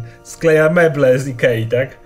I, I, to jest po prostu, wiesz, no, to jest zabawne samo w sobie, jak niewidoma kobieta meble składa dla Deadpoola, który mógłby to robić sam, ale y, jakby ten, to, to jest taki spokojny moment, kiedy oni siedzą, po prostu sobie gadają, po prostu, nie wiem, rączka mu odrasta, pokazując jego moce i, i również y, hobby, że tak powiem. Y, i, to, to jest, nadaje nam właśnie, Blind Al jest dużo bardziej pełnowymiarową postacią niż cała masa mutantów w u Singera. Niż jest... e, profesor Xavier, moim zdaniem, na dobrą sprawę. Czyli wiesz, jeden z najbardziej znaczących. Jak gdyby poza Wolverinem, to ciężko popatrzeć i na jakąkolwiek postać z filmów Singera i określić jej charakter tak jednoznacznie. No. E, powiedz mi coś o. E, Cyclopsie poza tym, że jest taki, to, takim troszeczkę zamkniętym sobie chujem. Chodzi o tego starszego Cyclopsa, czy tego młodego Nie, Cyclopsa? Kurwa. o którego... Bo ten starszy to był po prostu jealous, jealous boyfriend archetype. No, no tyle. i tyle. I czy, czy, czy byś naprawdę się przejmował... Gdyby to nie był Cyclops, to czy naprawdę by cię przejmowało, gdyby on na przykład w jakimś nie. innym filmie umarł? umarł i tak. Ale... No ale gdyby tak... I też mnie to nie przejęło, więc... No właśnie. To był Cyclops, a miałem kompletnie gdzieś jego śmierć, no. więc... I to jest właśnie cały problem, jak gdyby. Sprawdźcie, żeby, nas, żeby nam zależało na tych postaciach. A, a James Gunn tak zrobił swój film, że wszyscy jak myśleli, że wielkie gadające drzewo się poświęca, to dzieci płakały w kinie. No tak, no, gadający shop był pełnomierą postacią. A Zack Snyder sprawił tak, że nie obchodziło mnie, czy Superman umrze. To, to prawda. Teraz sobie przypominam, że kiedy Superman ginął w walce z Doomsdayem, miałem na to tak wywalone, że... Jak ja oglądałem pierwszy raz First Class, to tak siedziałem na krawędzi fotela i cały czas, i tak pierwszy raz zdałem sobie sprawę, że faktycznie przejmuję się tymi bohaterami i czy im się uda, czy przeżyją i tak dalej. Jak Darwin, Darwin zginął było dużo bardziej, dużo mocniejsze tak. niż niejedna śmierć. No, z tym bym mógł dyskutować, ale by, Akurat Darwin... Było, le, było bardziej niż super, no bez przesady, no, było Superman może i tak. Znaczy, Dar, znaczy, w ogóle ja mam problem z Darwinem, że on w sumie tylko po to został zaprezentowany, żeby umrzeć i o nim akurat też dużo nie powiesz, jakie miał cechy charakteru albo cokolwiek. Ale okej, okay, dobra, bo to już tam się robi z tego zupełnie inna dyskusja, więc na tym myślę, że możemy zakończyć tej rozważania na temat e, e, apokalipsy w ogóle cyklu filmu Singera. Też stały punkt naszego podcastu, z tego co widzę. No i przejdźmy sobie w takim razie do komiksów. E, I w tym, w tym tygodniu na szczęście jest o czym mówić. Co prawda, jeśli chodzi o ogólnie poziom, powiedzmy, komiksów tego tygodnia, to nie był tak specjalnie wysoki. Myślę, że w tym tygodniu e, dopiero będzie ciekawie, bo wyjdzie i nowy Vision, i nowy Ant-Man, i nowy, nowy Civil War 2, więc... Oh, yeah. No tak, i tutaj warto wspomnieć, bo wiele osób o to pytało, czy dlaczego nie mówiliśmy w pierwszym podcaście o Civil War? Dlatego, że kiedy kończyliśmy podcast, e, tuż przed przerwą, mówiliśmy o numerze czwartym do tej pory nie było numeru piątego, więc tam, gdzie skończyliśmy w ostatnim podcaście, Civil War dalej stoi, chociaż niektóre tajny już to wyprzedzają, ale główny event stoi tam, gdzie zrobiliśmy przerwę, więc czekali na no nas. I warto, warto powiedzieć, że event będzie tak, się ciągnął aż do grudnia, więc na jesieni dostaniemy e, już komiksy, które będą pokazywać status quo po evencie, ale sam event będzie trwał yes. do grudnia, tak jak Secret Wars było. Więc no, świetna robota, naprawdę. Już w grudniu to nawet, nawet te osoby, którym się to podobało, nie będą, nie, nie będą się tym w ogóle interesować, więc no... No nie najlepsze, no, no nie najlepiej to wyszło. Tym Różnica jest taka, że si o, o, ile Secret Wars było naprawdę ciekawe i jak przeczytasz to w całości, to będzie to było naprawdę dobre, a z Civil War to jest takie czekanie, aż ci wreszcie rozwolnienie puści. Ale to jest też fakt, że we wszystkich tajinach pewnie już będziemy w stanie z nich zmontować generalnie, co się właściwie stało i wiesz, no jakby nie da się tego za bardzo Myślę, że nawet z tych nowych serii będziemy w stanie to zmontować, więc... No nic. tak. To tyle. Dobry początek. Tak, no to znaczy w zasadzie, jeśli już jesteśmy przez Civil War 2, to zacznijmy od tego. Bo e, tak jak mówiliśmy, następny, następny jakby rozdział tej historii całej głównej będzie dopiero za tydzień, znaczy w tym tygodniu w zasadzie, e, już w środę. Natomiast cały czas trwają oczywiście ta inne i cały czas nam psują kurna komiksy. I ja może zacznę, bo ja tylko tak krótko chciałem powiedzieć, że stwierdziłem ostatnio, że nadrobię Spidermana, znaczy Milesa Moralesa, komiks, który się nazywa po prostu Spider-Man. Seria, którą ja bardzo lubiłem, bardzo ją lubię dalej, a ona miała swoje, powiedzmy, złapała moją czkawkę w All New, um, All New Marvel Now, ale teraz od właśnie od wiosny znowu dawała radę, fajnie mi się ją czytało. No bo ja bardzo lubię jakoś historię o młodocianych bohaterach, jakoś czuję się młodszy jak to czytam po prostu, jak czytam tych, tych nastoletnich problemach i tak dalej. Takie bardzo fajne oderwanie od rzeczywistości. Natomiast ostatnie zeszyty, które są tajnami do Civil War 2, to jest taka droga przez mękę, że, że w zasadzie w połowie odpuściłem i stwierdziłem, że wrócę do tej serii dopiero jak się, jak się Civil War 2 skończy. Bo oczywiście, jak możecie sobie wyobrazić, w którymś momencie przychodzi Tony Stark i mówi Milesowi, że hej, stań po mojej stronie, ok? My jesteśmy razem Avengers. E, no i Miles przez kolejne, nie wiem, dwa czy trzy zeszyty zastanawia się, czy powinien może wziąć udział w walce i stanąć po, po stronie Tonego Starka. A może nie powinien, a może powinien gdzieś uciec i w ogóle zająć się czymś innym, a może jednak powinien, bo jest winny to Tonemu Starkowi, a może jednak nie. I tak cały czas. I w tle mamy jeszcze ten wątek z Jessica Jones, który do niczego nie prowadzi, póki co jest też tylko chyba po to, żeby czym zająć strony, która tam... No bo Bendis to jego postacie, no, on tak, musi tak. krzyżować. Trzeba było zaprezentować Jessica Jones w czarnych włosach, tak jak w serialu. E, no i to, to się tak ciągnie i to jest po prostu kolejny komiks, który lubiłem czytać, a który mi ten cholerny event psuje, więc to tyle mojego rantu. Natomiast wiem, Oskar, ty chciałeś powiedzieć o innej, innej serii. Tak. Pozy bardziej bardzo... pozytywnym świetle, co ciekawe. Tak, tak. Byłem, byłem ciekawy już ostatnio, e, bo bardzo podobał mi się początek serii Captain Marvel, kompletnie niezwiązany z e, Civil War. Był motyw z kosmitami, bo ona jest teraz szefową Alpha Flight, czyli instytucji, która zastąpiła SHIELD. Nie SHIELD, przepraszam, SWORD, czyli tę tą kosmiczną agencję. E, no i stwierdziłem, że zostam, po, po tym e, wątku zostały jeszcze dwa numery związane z Civil War. Zobaczę, czy w jej własnej serii ona też jest takim Nazi Carol. I ku mojemu zaskoczeniu za cholerę nie jest. Gdyby Carol Danvers w głównej serii Civil War miała wyłożone tak swoje dylematy, swoje przemyślenia, że tak powiem, jak ma w tym swoim tainie, to może nie poprawiłoby to eventu, bo w nim jest jeszcze cała masa syfu po prostu innego, ale przynajmniej stanowiska eventu byłyby dużo lepsze, bo w tej chwili widzimy to tak, że poza faktem, że sam event jest pisany do dupy i ta śmierć Halka była po prostu, już zjechaliśmy ją na każdym możliwym poziomie, to jeszcze event jest bardzo jednostronny, to znaczy Tony Stark ma rację, Carol Danvers nie ma racji, Carol zachowuje się jak nacji i, i, i tyle, nie? I, I, tak to widzimy. Natomiast kiedy przeczytałem jej komiks, e, to jakby to rzuca zupełnie inne światło na to, na to, jak ona to widzi, dlatego że przede wszystkim komiks zaczyna się od tego, że ona e, jest taka pani naukowiec Kree, nazywa się Minerva i ona prowadzi eksperymenty i powoduje, że populacja jego miasteczka ginie. Karol przylatuje tam za późno. Więc oczywiście fajnie byłoby wiedzieć to wcześniej, ale jakby nie, nie to jest najważniejsze.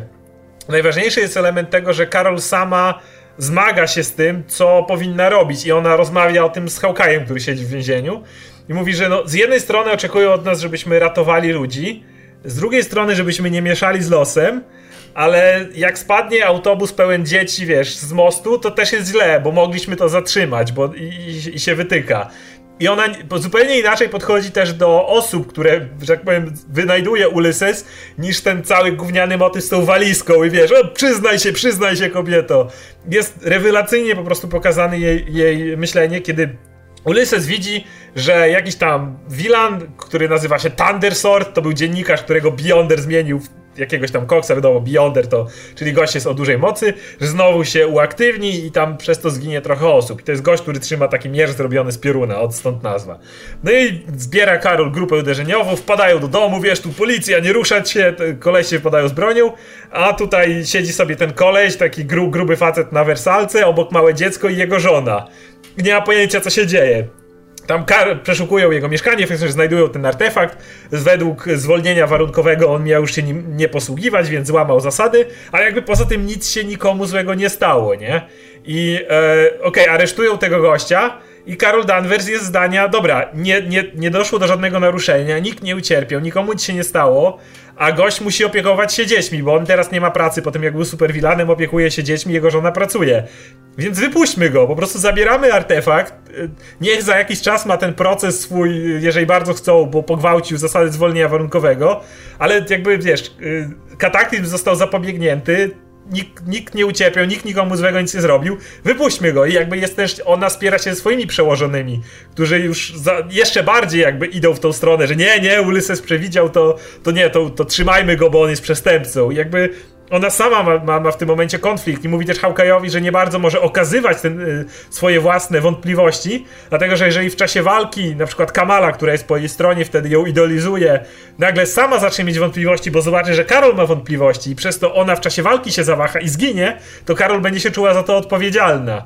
I jakby dużo bardziej widzimy rozbudowaną tą stronę jej, jej podejścia, ona chce to naprawdę dopracować, bo naprawdę głupio od jej, jej strony porzucić coś takiego, kiedy może tym uratować całą masę ludzi. Jeszcze ostatnia rzecz prostego komiksu, ona mówi o śmierci Rodiego, że tak, Rhodey zginął, kiedy Thanos go zabił, ale tutaj myk z filmu Civil War pokazuje zdjęcie ochroniarza tej instytucji, którą miał zaatakować Thanos i pani doktor, która, która tam pracowała i mówi, że oni poznali się na, w pracy, i razem byli tego dnia właśnie tam, mieli dwójkę dzieci. Generalnie w tej chwili, jeżeli Rhodey żyje, oni są martwi. Thanos wyrżnął całą tą placówkę w tym momencie, jeżeli rozmawiamy w ten sposób.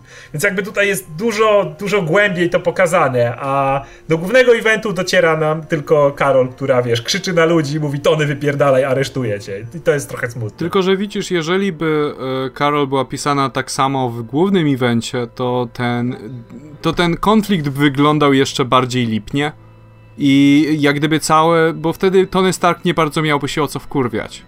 No tak, tak, tak, ale to, to jest problem eventu. Natomiast jakby sam, nie, po prostu sam tak motyw Ulyssesa nie jest aż tak głupi, nie? Jeżeli odpowiednio go napiszesz. To do tego się odnoszę, bo jechaliśmy mocno po tym, że to bullshitowy pomysł jest bullshitowy pomysł, wiesz co? Natomiast da się to pisać, uważam, i, i to widzę, że da się Ale każdy bullshitowy Ale... pomysł możesz napisać fantastycznie i w mistrzowski sposób i nagle okazuje się zajebisty.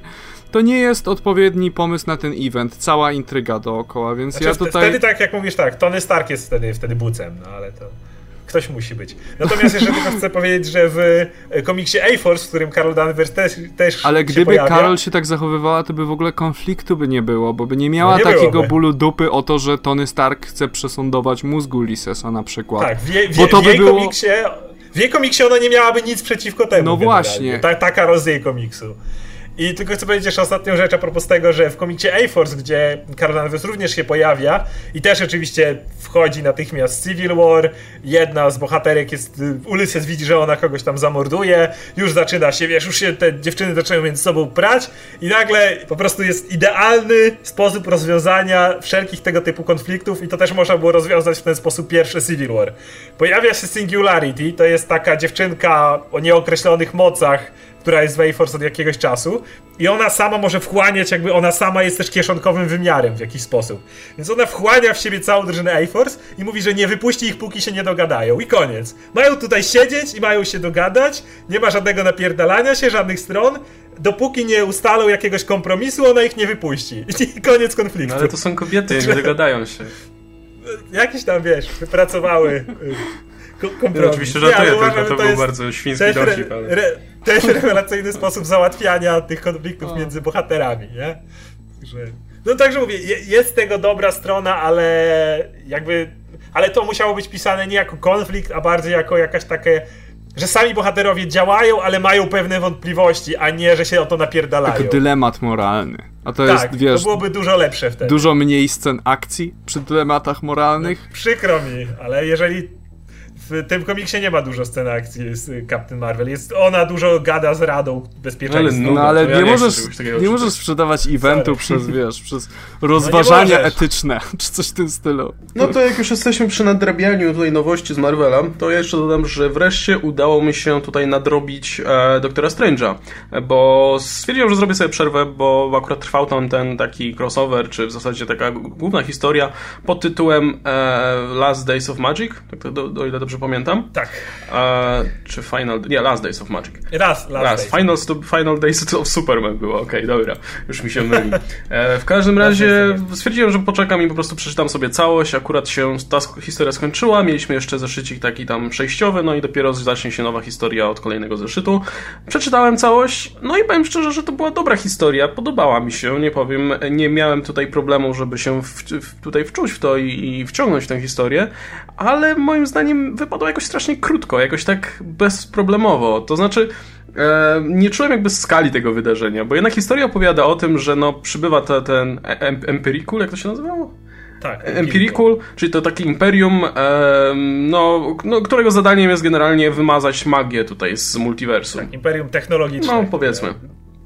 No i oni wymazują tę magię, pokonują tutaj tych, tych magów z głównego uniwersum Marvela. No więc Doctor Strange razem z garstką tutaj pozostałych magów ruszają po prostu, żeby znaleźć jakieś artefakty, w których jest jeszcze cząstka magii, zebrać je do kupy, no i jakoś, jakoś to, to imperium wypieprzyć z powrotem. No i robią to w przeciągu, nie wiem, dwóch zeszytów. E, wykorzystują do tego jeszcze coś, co Doktor Strange miał w piwnicy. No, że nie będę mówił co, żeby była jeszcze jakaś niespodzianka dla czytających. E, I tyle. I to się dzieje bardzo tak łatwo i szybko. Właśnie nie, nie czułem jakby wagi tych wydarzeń tutaj. Nie czułem, żeby to było naprawdę coś takiego, że, o, że, że to jest sytuacja bez wyjścia i tak dalej. Nie wiem, może po prostu kwestia tego, że, ten, że ta historia była krótka e, i że tak szybko, ja myślę, się rozegrała. Zrobiłeś przerwę w niej. Wiesz, zrobiłeś w niej przerwę. Ja myślę, że jeżeli teraz nowy czytelnik by usiadł i przeczytał faktycznie te, ile jest? 8 numerów to było? 10. What? Znaczy 10 numerów to jest, do, na 10 się skończyło. Tak, no jeżeli liczysz pierwszy numer Doktora Nie, Strange'a. nie, nie, czy sam, to sam, skrywa, sam ten event tylko ostatnio. Sam no. event, okej. Ja jestem jakby co. Spoko. Dobra, czyli on się zaczyna w czwartym numerze, czyli 6. No sześć, no to taka krótka historyjka, no. Tylko właśnie mówię, no ja zacząłem to, gdzieś tak zrobiłem przerwę po pierwszym, czy po drugim zeszycie głównego eventu, no nie liczę tego, tego, e, nie liczę tych tajinów, takie tam Deadpool i tak dalej, no bo to nie było aż tak istotne. Em, ale sama historia w Doktorze Strange jakoś mi tak mignęła bardzo szybko i jakby, no po prostu mignęło mi to po prostu przed oczami. Historia była dobra, ale jakoś właśnie mm, za łatwo, za, za szybko to przeszło. Ja mam inny problem z tą historią, dlatego że ona tak była bardzo fajna. Te, oczywiście nie jestem fanem Bakalo, ale tutaj jego rysunki po raz kolejny podkreślam, e, działały i, i funkcjonowały tak jak powinny w tym surrealistycznym klimacie czarów i innych wymiarów i dziwnych stworzeń. I to mi się wszystko podobało. Natomiast mój problem jest taki, że to, była, to był event naprawdę dotykający właściwie całego spektrum Marvela. On powinien mieć spore reperkusje wszędzie. I w samej historii Doktora Strange'a, jak czytasz numer 11 bodajże, te reperkusje są widoczne. I sam Doktor Strange, który musi na nowo pisać wszystkie czary, wiesz, na nowo tworzyć nowe czary, kiedy mówi, że jego płaszcz lewitacji jest teraz, wiesz, kawałkiem materiału tylko, bo jakby całą magię trzeba na nowo kreować. To sam jest fajny pomysł, bo to jeszcze może dalej się ciągnąć w najróżniejsze strony, tylko yy, wiesz, Doctor Strange nie jest zamknięty do tego komiksu. Jest cała masa innych komiksów z magami, którzy również występowali w tej historii i pomijam oczywiście Bendisa, gdzie on już tam na w Civil War już jak zaraz pierdolnie czarem w swojej pelerynie, to wiesz, wszystkich zmiecie jednym ruchem, bo jakby Bendis i tak nigdy nie dbał o kontinuum, to już, już przy Hulku pokazał na co go stać. No, i czy, czy redaktorzy też tego nie poprawiają? Natomiast y, jakiekolwiek inne serie i wszystko, co widzimy w zapowiedziach, jakby nie, nie odnosi się do tego, a co tym idzie, jeszcze bardziej umniejsza ten konflikt, umniejsza ten event. Bo jakby to, że on był taki stosunkowo niewielki, nie, nie byłoby jeszcze dla mnie aż takim problemem, gdyby jego reperkusje były widoczne. Gdybym teraz sobie obraził faktycznie, zaczyna się nowy rozdział w życiu Strange'a, ale, ale nie tylko Strange'a, ale jako takiego świata Marvela. W jaki sposób doszło do, wiesz, wielkiego załamania się, bo masz, nie wiem, od Ghost Ridera, Scarlet Witch, tego doktora Voodoo, to powinno ich dotknąć wszystkich, magik. Wszyscy powinni w jakiś sposób cierpieć, czy, czy borykać się z tym przynajmniej, a kompletnie tego nie czuję. I mam wrażenie, że to było takie, wiesz, stało się, tam w serii Strange'a coś się będzie działo, a potem zamknięty. Przez to faktycznie to się czuje, że jest jeszcze mniejsze. A bardzo bym chciał zobaczyć, jak inni bohaterowie próbują tworzyć swoje własne nowe czary, jak magik ma problemy z teleportacją przez jakiś czas, powiedzmy, czy jakieś dziwne, nie wiem, chochliki z limbo przywołuje, a miały być wielkie demony, czy coś takiego, wiesz.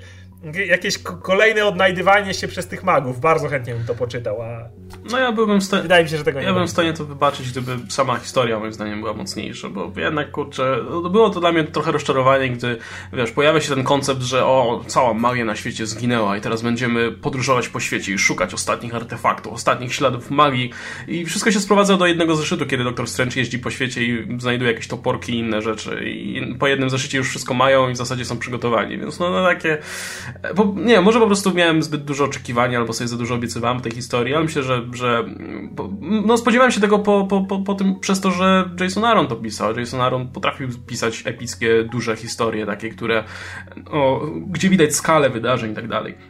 No ale dobra, okej. Okay. Jeśli chodzi, tyle jeśli chodzi o, o Doktora Strange'a. Natomiast jest jeszcze inna seria, którą ty zdaje się nadrobiłeś.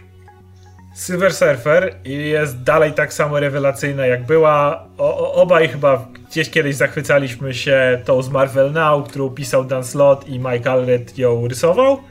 I dalej ekipa się nie zmieniła. E, mamy kontynuację tego, co było i jest, uważam, dal, dalej rewelacyjnie po prostu prowadzona, dalej jest taka trochę surrealistyczna, ale też starają się dotknąć trochę bardziej korzeni surfera. E, przykład, jak, jak, w jakim kierunku idzie ta seria. W pierwszym numerze przylatuje rasa, która z mocy specjalnego artefaktu wysysa najcenniejsze zasoby z ziemi. I czym są owe zasoby? Jest to nasza kultura, więc dosłownie z książek zaczyna wylatywać druk, z obrazów wylatuje, wiesz, farba, z telewizorów dosłownie wylatuje program, z komputerów generalnie, z głów ludzi dosłownie opuszczają wszelkie e, postacie, jakie mogą być. I e, motyw jest taki, że oni sami biorą na siebie tą moc, ale po, ponieważ stają się every protagonist in history, jak tylko mogą i tak walczą z surferem i są tacy potężni, ale w pewnym momencie, ponieważ stali się protagonistami, odkrywają, że no są bohaterami, więc nie mogą ukraść tego, więc muszą to oddać. I to jest, to jest typ po, po, prostu historii, jakie są pisane w Silver Surferze. I to, jest tylko, I to jest tylko prolog, to jest pierwszy zeszyt, także nie spoiluję absolutnie, y, bo, bo ten motyw z tym kradnięciem kultury i z jakąś taką tożsamością e, kulturalną, skąd się pochodzi, to to wiemy, surfer pochodzi z Zenla i to, to ma, będzie miał ogromny wpływ w tym całym story arku i to, że on sam nie bardzo wie, gdzie jest jego dom, to wszystko ma ogromne znaczenie w kolejnym story arku i jest pisane dalej w ten sam sposób jak poprzednie, więc y, nie spodziewajmy się tu wielkich walk z, wiesz, z potworami czy czymś. Silver Surfer jest zupełnie innym komiksem i go za to uwielbiam. Czyli to dalej jest Doctor Who z tego co słyszę, więc, e, więc muszę nadrobić, tak. więc, więc prędzej czy później muszę nadrobić. No i to był nasz taki mały wstęp do, do tematu, którego się podejmiemy teraz, bo oba komiksy są takie dosyć właśnie no, psychodeliczne i dosyć takie specyficzne, jeśli chodzi o no, surrealistyczne, oniryczne, jeśli chodzi o prawę graficzną, ale też i treść. Co jest właśnie ładnym, tu ładnie nas tutaj przyniesie do tematu głównego, przynajmniej dla mnie tematu głównego, bo, bo e, Doom Patrol um, Gerarda Way'a e, był komiksem, tak który czekałem bardzo. E, I muszę powiedzieć, że jest kurwa zajebisty. Jest... Bardzo mi się podobał i nie wiem, czy jestem tutaj odosobniony w tym. Nie jestem. Roz... Jest, nie jestem sam. Okej, okay. myślałem, że tylko ja, myślałem, że tylko ja jestem chory i po prostu mnie zniszczył absolutnie ten komiks. Ja czytałem ten komiks, nie wiem, z pięć razy, jeśli nie więcej i za każdym razem się bawiłem praktycznie tak samo dobrze e, i oprawię go sobie chyba w ramkę i powieszę. No, nie, no serio, naprawdę to było dokładnie to, czego oczekiwałem e, i dokładnie to, w zasadzie nawet więcej. Znaczy, Teraz zacznijmy może od tego, czym jest Doom Patrol, bo jeśli, bo jest możliwe, że, że tutaj część czytelników nigdy o, o, tym, o, o tej drużynie nie słyszała. Jakby najprościej wytłumaczyć, czym jest Doom Patrol? Doom Patrol jest zespołem superbohaterów, którzy są niechciani przez społeczeństwo i którzy są dowodzeni przez e, wysoko wykształconego staruszka na wózku inwalidzkim. Z telepatycznymi mocami jeszcze, tak Z telepatycznymi mocami, tak. E, tak. tak e, Więc możecie się domyślić, dlaczego mi się tak podobało. Historia Doom Patrol jest oczywiście nierozłącznie związana z X-Men i jest bardzo wiele kontrowersji na temat tego, czy X, bo Doom Patrol wyszedł, pierwszy numer Doom Patrol wyszedł zdaje się 3 miesiące wcześniej, czy coś takiego i jest bardzo dużo kontrowersji związanych z tym, czy X-Men faktycznie nie było w jakimś stopniu plagiatem, czy też nie. Jest kilka wskazówek, które, czy kilka poszlak, które wskazują, że mógł być, dlatego że wydawnictwa w tym czasie wymieniały troszeczkę swoich pracowników i część ludzi, którzy wiedzieli o istnieniu Doom Patrol, trafili do Marvela, więc Stanley mógł mieć dostęp do informacji o tym, że taki komiks powstaje, aczkolwiek to wcale nie jest jeszcze dowód, że wiesz, że miał że, że tak się stało. E, no, e, może to Ale być też wynik zeitgeistu po prostu, że to po, te komiksy powstawały. tak, że komiksy powstawały w tym samym czasie i tak dalej. E, X-Men oczywiście stało się, wiesz, super popularny, a Doom no, Patrol X-Men był... przeszło do mainstreamu, z kolei Doom Patrol był bardziej, powiedzmy, niszowym tematem długo. Bo był bardzo dziwny, był dużo bardziej dziwny, jeżeli, wiesz, oba zespoły, no porównując jak gdyby oba zespoły u samych początków swojej historii, no to jest wręcz śmieszne, jak są do siebie podobne. Tutaj masz, wiesz, głównym złoczyńcą jest Brotherhood of Evil, no a tak. tutaj jest Brotherhood of Evil Mutants. Wiesz, to i tak dalej. Aczkolwiek też spotkałem się z, z opiniami, myślę, że w jakiejś tam części słusznymi, że Doom Patrol nosi pewne znamiona inspiracją e, fantastyczną czwórką. Bohaterowie są nieco tak, podobni. to też prawda. No, mamy, mamy tą. E, no, bohaterowie mają podobne moce, prawda? Poza, poza Negative Man, zdaje się, to jest wiesz, no tak. praktycznie tak. pochodnia. Taki... No tak, tylko że jest radioaktywny, taka jest różnica. No, no jest, jest. E, jak się nazywa ta bohaterka? E, no już nie pamiętam, no jak, dawno jak naprawdę nie, nie ma mocnych, no, bohaterka, która po prostu się potrafi no, wydłużać kończyny i tak dalej. No jest Robotman, który był trochę jak The Thing, miał podobny ból dupy o to, jak wygląda i że nie jest do końca człowiekiem i tak dalej. Także no, jest, były pewne podobieństwa, potem to się, myślę, jakoś w jakiś sposób przeniosło na X-Men, także no tak, działają, tak działały komiksy w ówczesnym czasie. No, te, te inspiracje płynęły z, jednej, z, jednej, z jednego wydawnictwa do drugiego praktycznie cały czas. E, mówiłeś o Elasti Woman. O, właśnie. Okej, okay, musiałem sprawdzić, bo byłaby trochę siara, a już nie pamiętałem, bo dawno nie sięgałem. E, tak czy siak. E, no dobra, jakbyś no... musiał powiedzieć, co, je, co jest taką najbardziej charakterystyczną cechą Doom Patrolu, co wyróżnia ich na tle wszelkich innych drużyn z X-Men włącznie? Wyróżnia ich na tym, że stworzył je e, Arnold Drake i w pewnym momencie stwierdził, że ma ich dość, więc ich wszystkich zabił. I przez jakieś 30 lat nie istnieli w ogóle a później w momencie jak była brytyjska inwazja komiksu amerykańskiego, gdzie wiesz, gdzie Neil Gaiman, Alan Moore, Grant Morrison, o którym powiem za chwilę, trafili ten, no to oni wzięli sobie na swój warsztat jak gdyby postacie, które były zapomniane i w jakiś sposób, e, wiesz, nieużywany od dłuższego czasu.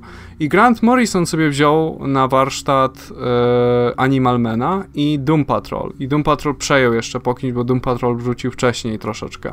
Tak, była taka fajna, ciekawa sytuacja, że był, był e, autor, nie pamiętam właśnie jego nazwiska, który się tym Doom Patrolem zajmował, a potem przyszedł Grant Morrison i stwierdził, że w sumie on chętnie by ten Doom Patrol pisał, ale mu się te postacie nie podobają, więc on by chciał je wszystkie wymienić, więc się dogadali i po prostu większość postaci zginęła, albo gdzieś, gdzieś tam się zajęła czymś innym, no a Grant Morrison stworzył autorską wersję, powiedzmy, tej ekipy. Tak, i to jest... Yy, I on jak gdyby, on wpadł na pomysł, żeby zrobić ten, żeby pójść z dziwnością, jak gdyby kompletnie, jak, te, jak daleko tylko się da i e, na jego jednym, jednym z głównych inspiracji był dadaizm i tam mamy na przykład właśnie, wiesz, jeden ze złoczyńców to jest Brothers of Dada, tak, I... w zasadzie dwie inkarnacje nawet.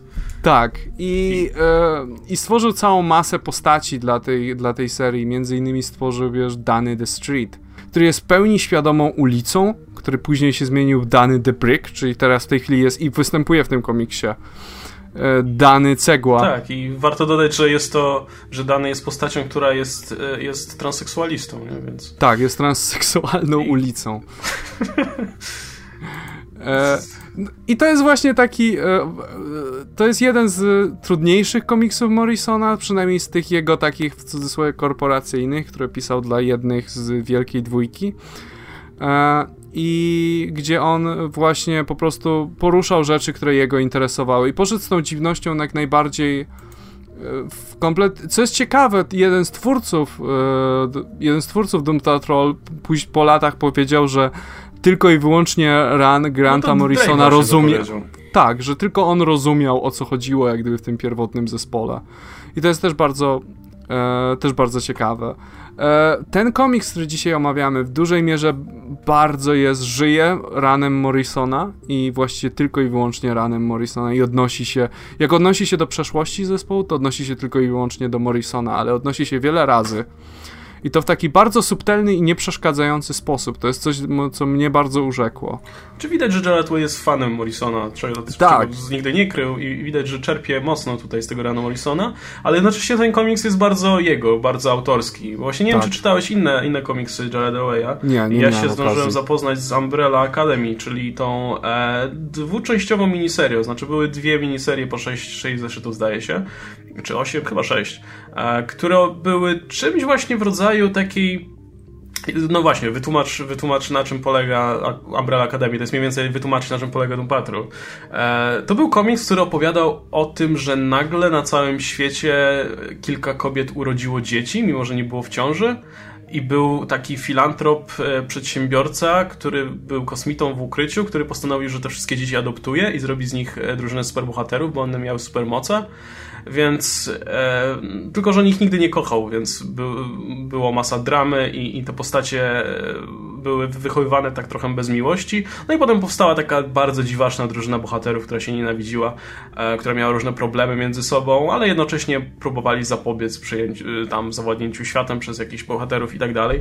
Bardzo taka krótka, bardzo przyjemna, myślę, i dosyć dziwna seria, która dobrze pokazuje, jak, jak Gerard Way pisze komiksy, że on, on, on pisze komiksy w taki sposób, że pewną dozę dziwności musisz zaakceptować, bo nie ma... Znaczy, to też myślę wynika też z formy, przez to, że Umbrella Academy była krótka i w sześciu zeszytach musiał w zasadzie stworzyć cały świat, to wiele rzeczy trzeba było po prostu zaakceptować, że one po prostu istnieją, że ktoś może sterować, że że, że jakiś bohater może na przykład sterować wieżą Eiffla, albo że e, no, masa, masa takich dziwacznych rzeczy, że nie wiem, małpy na przykład istnieją w tym świecie, po prostu szympansy, na przykład masz e, drużynę policjantów, która idzie zbadać jakieś, jakieś miejsce przestępstwa, wśród nich jest jakaś małpa, która też tam bada dowody i tak dalej. Czemu? Nie wiem, po prostu jest, nie? No, jest masa takich rzeczy, które po prostu trzeba zaakceptować jako część tego świata i myślę, że w tym Patrolu to trochę widać, że e, nie wiem właśnie, czy się ze mną zgodzisz, ale w Doom Patrolu jest masa rzeczy takich po prostu rzuconych nam z góry, na zasadzie,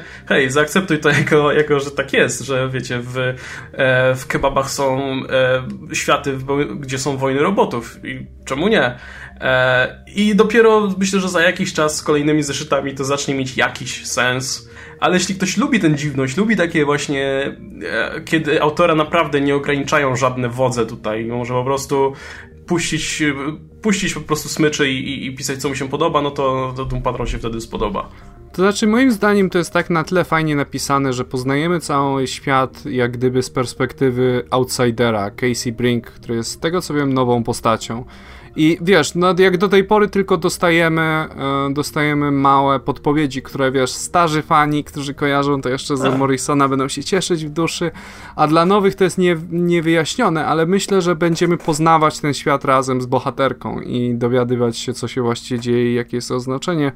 Myślę, że gdyby powstawała kiedykolwiek ekranizacja Doom Patrol, to mniej więcej tak to by wyglądało, gdzie tak, mielibyśmy tak. outsidera, który by poznawał ten świat z zewnątrz. E, strasznie mi się podobało też to, że jak gdyby komiks jest skoncentrowany na tych postaciach e, nowych, na tych kompletnie nieznanych, podczas gdy na przykład e, Niles Calder, czyli The Chief, czyli odpowiednik no tak. profesora Xaviera, tutaj występuje tylko na, zdaje się, pół strony i gra na keyboardzie i potem znika i to jest wszystko. I to jest, I to jest dosłownie taka czarna plansza, co słychać u Nilesa Caldera. I no, Niles Calder jest przy tym jest przy tym keyboardzie, tak stuka w klawisze i koniec. Nie, ale właśnie jest masa takich, że, znaczy to jest właśnie prezentowane bardzo tak fragmentarycznie, na zasadzie, że no okej, okay, masz naszą główną bohaterkę, dowiadujesz się o niej, że lubi jeździć karetką szybko, żeby pomagać ludziom i w ogóle bardzo chce pomagać ludziom. E, potem poznajesz jeszcze inne postacie, poznajesz na koniec tą nową postać inną, która się nazywa e, Terry Nunn E, I też wiesz o niej tylko to, że przychodzi jej śpiewać piosenki na urodziny komuś, a I potem potrafi. jej współlokatora i Tak, a, i potrafi Zmieniając go ktoś... ciasto wcześniej. Albo... Ale wszyscy są z tym okej, okay, to takie, o, wysadziłem ci współlokatora. Tak, Czy byłaś no, do niego dobra, przywiązana? Ale... Nieszczególnie. nie, przejdźmy dalej. No to spoko. No to, to właśnie, to, to jest typowe, typowe do, dla, dla pisania właśnie Waya. E, no i właśnie masz masę takich fragmentów, takich krótkich właśnie, to niezbyt nawet powiązanych ze sobą momentów w tym komiksie, które myślę, że dopiero z kolejnymi zeszytami będą się wiązać jakoś w jedną całość, dlatego myślę, że no warto dać szansę temu komiksowi dalej.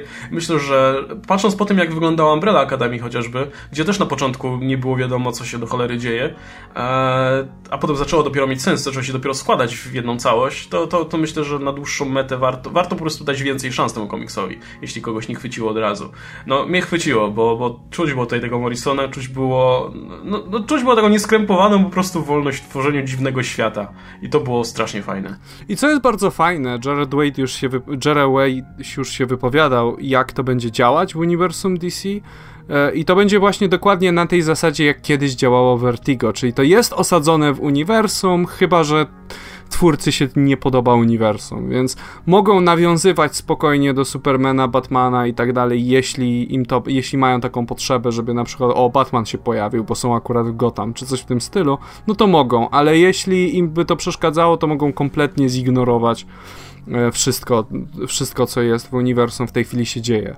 I to w ten sposób był też pisany, właściwie wiesz, zarówno Doom Patrol, jak i e, Animal Man e, Granta Morrisona gdzie, wiesz, gdzie e, Animal Man na przykład był członkiem zespołów poszczególnych, był Justice League i tak dalej i, i, i było spoko i, i, i, i wiesz, jak jest ta ostatnia scena, spoiler, gdzie rozmawiają ze sobą e, Grant Morrison z Animal Manem, to Animal Man mówi, nie mam pojęcia czemu, ale zawsze jak jestem w okolicy Justice League, to zachowuję się jak idiota i tak Grant Morrison, no bo cię nie pisze w tym momencie. no, jest... tylko że właśnie jeszcze jedna rzecz, którą chciałem dodać, to to, że ten komiks nie jest tak dziwny jak Doom Patrol Morrisona. To jeśli ktoś nie się jest. przeraził kiedyś tym, tym czytaniem Morrisona, no to, to nie jest ten poziom dziwności. To jest taki bardziej przystępny moim zdaniem. E, to, znaczy, komiks Morrisona, Doom Patrol Morrisona był wręcz przerażający i straszny spo, przez to, jak bardzo był oderwany od rzeczywistości. Jakby czytając ten komiks, nie, ma, nie miałem żadnego zaczepienia w rzeczywistości po prostu. Widziałem, że to się może wydarzyć absolutnie wszystko i to było aż przerażające a natomiast Doom Patrol Way'a to jest coś w stylu, nie wiem, to jest taka dziwność rodem z wczesnych filmów Tima Burtona, coś, coś w tym guście raczej. Nic, nic co by było straszne albo jakoś specjalnie mm, jakoś, nie wiem, no, szokujące, albo w ten sposób. No nic takiego. Natomiast mm, i tak mi się to podoba, szczególnie, że właśnie warstwa też artystyczna bardzo fajnie z tym koresponduje.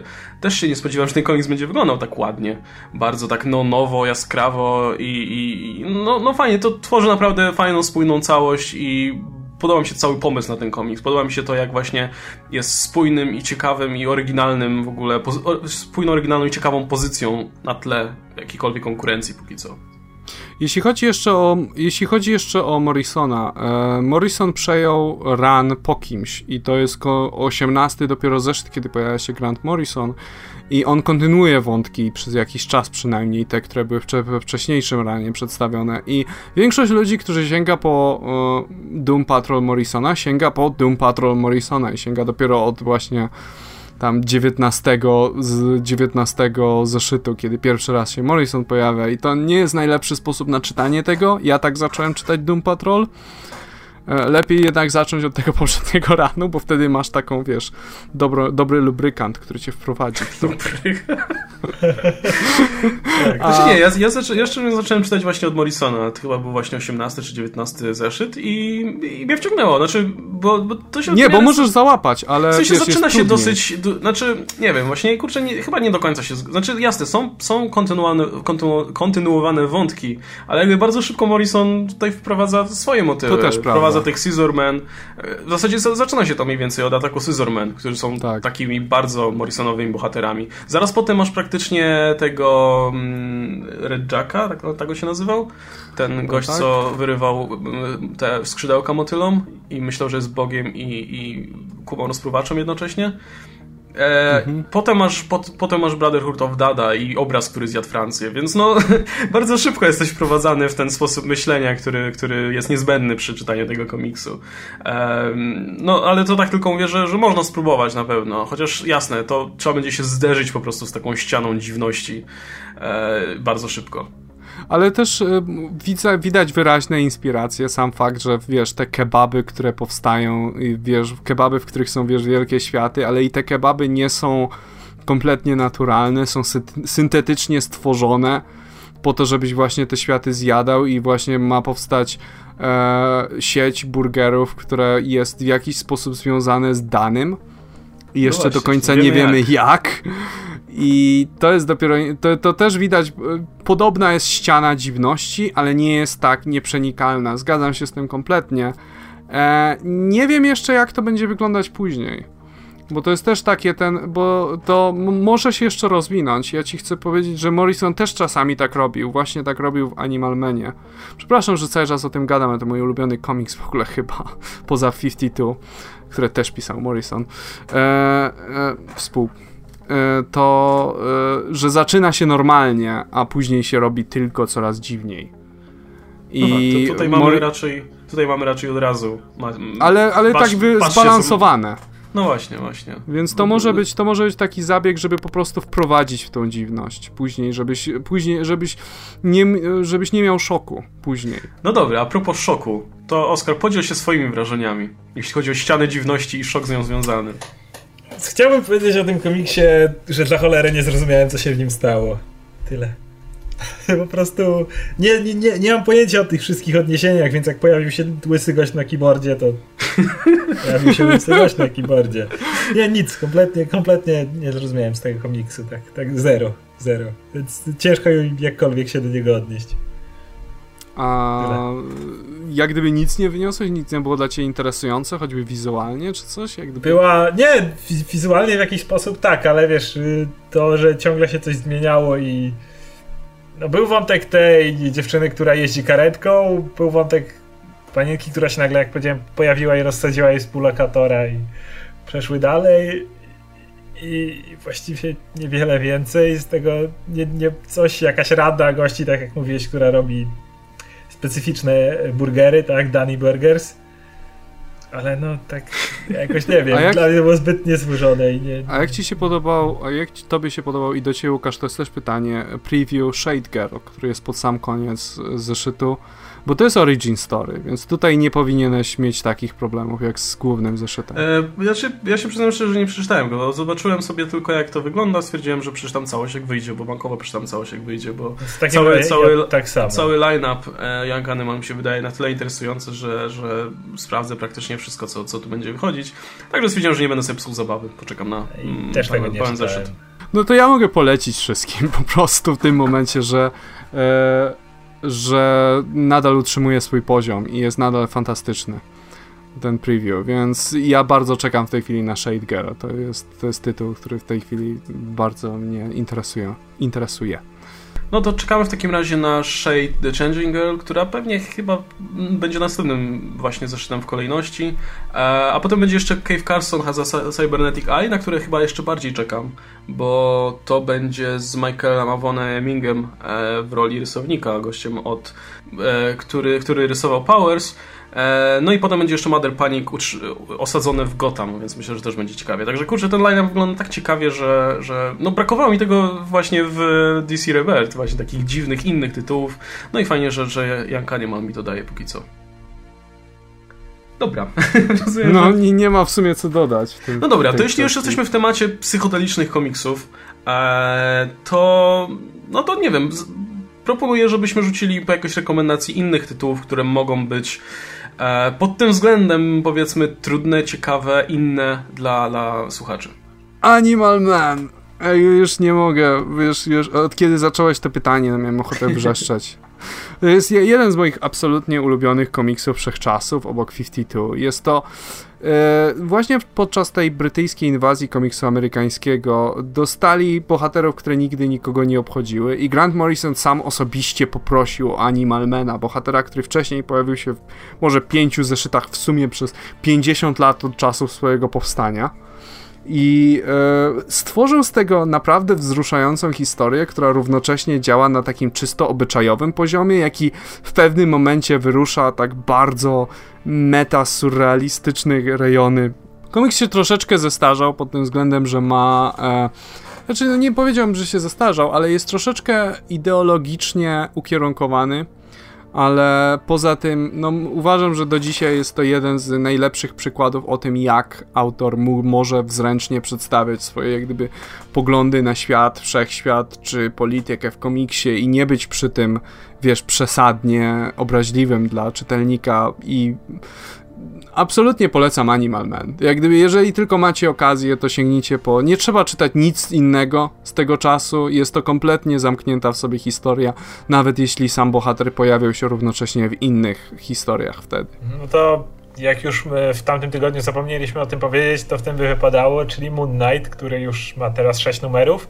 I tutaj e, absolutnie, jeżeli ktoś przeczytałby tylko szósty numer, tego, ten ostatni, który wyszedł, prawdopodobnie kompletnie by nic nie zrozumiał, ale to tak, tak kompletnie te, tego komiksu nie da. Znaczy, jeżeli już się zna trochę postać i wie mniej więcej kim jest Mark Spector i jak jego mózg funkcjonuje, chociaż tego nie wie w sumie nikt, ale mniej więcej znasz jakieś rejony tego, to można coś tego załapać.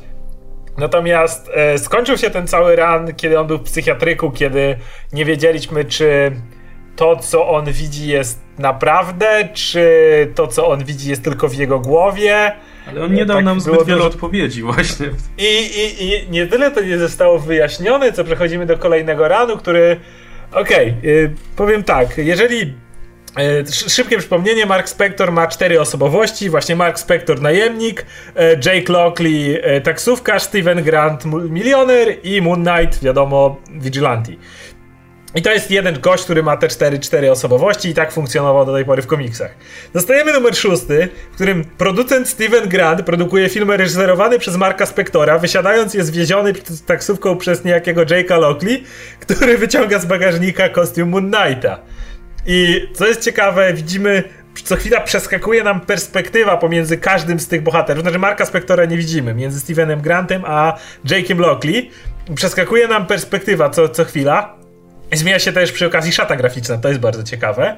E, I e, zmienia się narracja, w ogóle to jeszcze nam bardziej się miesza. I, i myślisz, że w tym momencie już byłoby, byłoby wiesz, już byłoby sporo mieszania, ale wtedy fabuła przeskakuje nam do Marka Spektora, który właśnie wchodzi do bazy na Księżycu, gdzie oddział Moon Knightów przygotowuje się, aby w statkach kosmicznych w kształcie Księżycy odeprzeć atak kosmicznych wilków. I w tym, tak. w tym momencie... To, to, to ma okay. miejsce.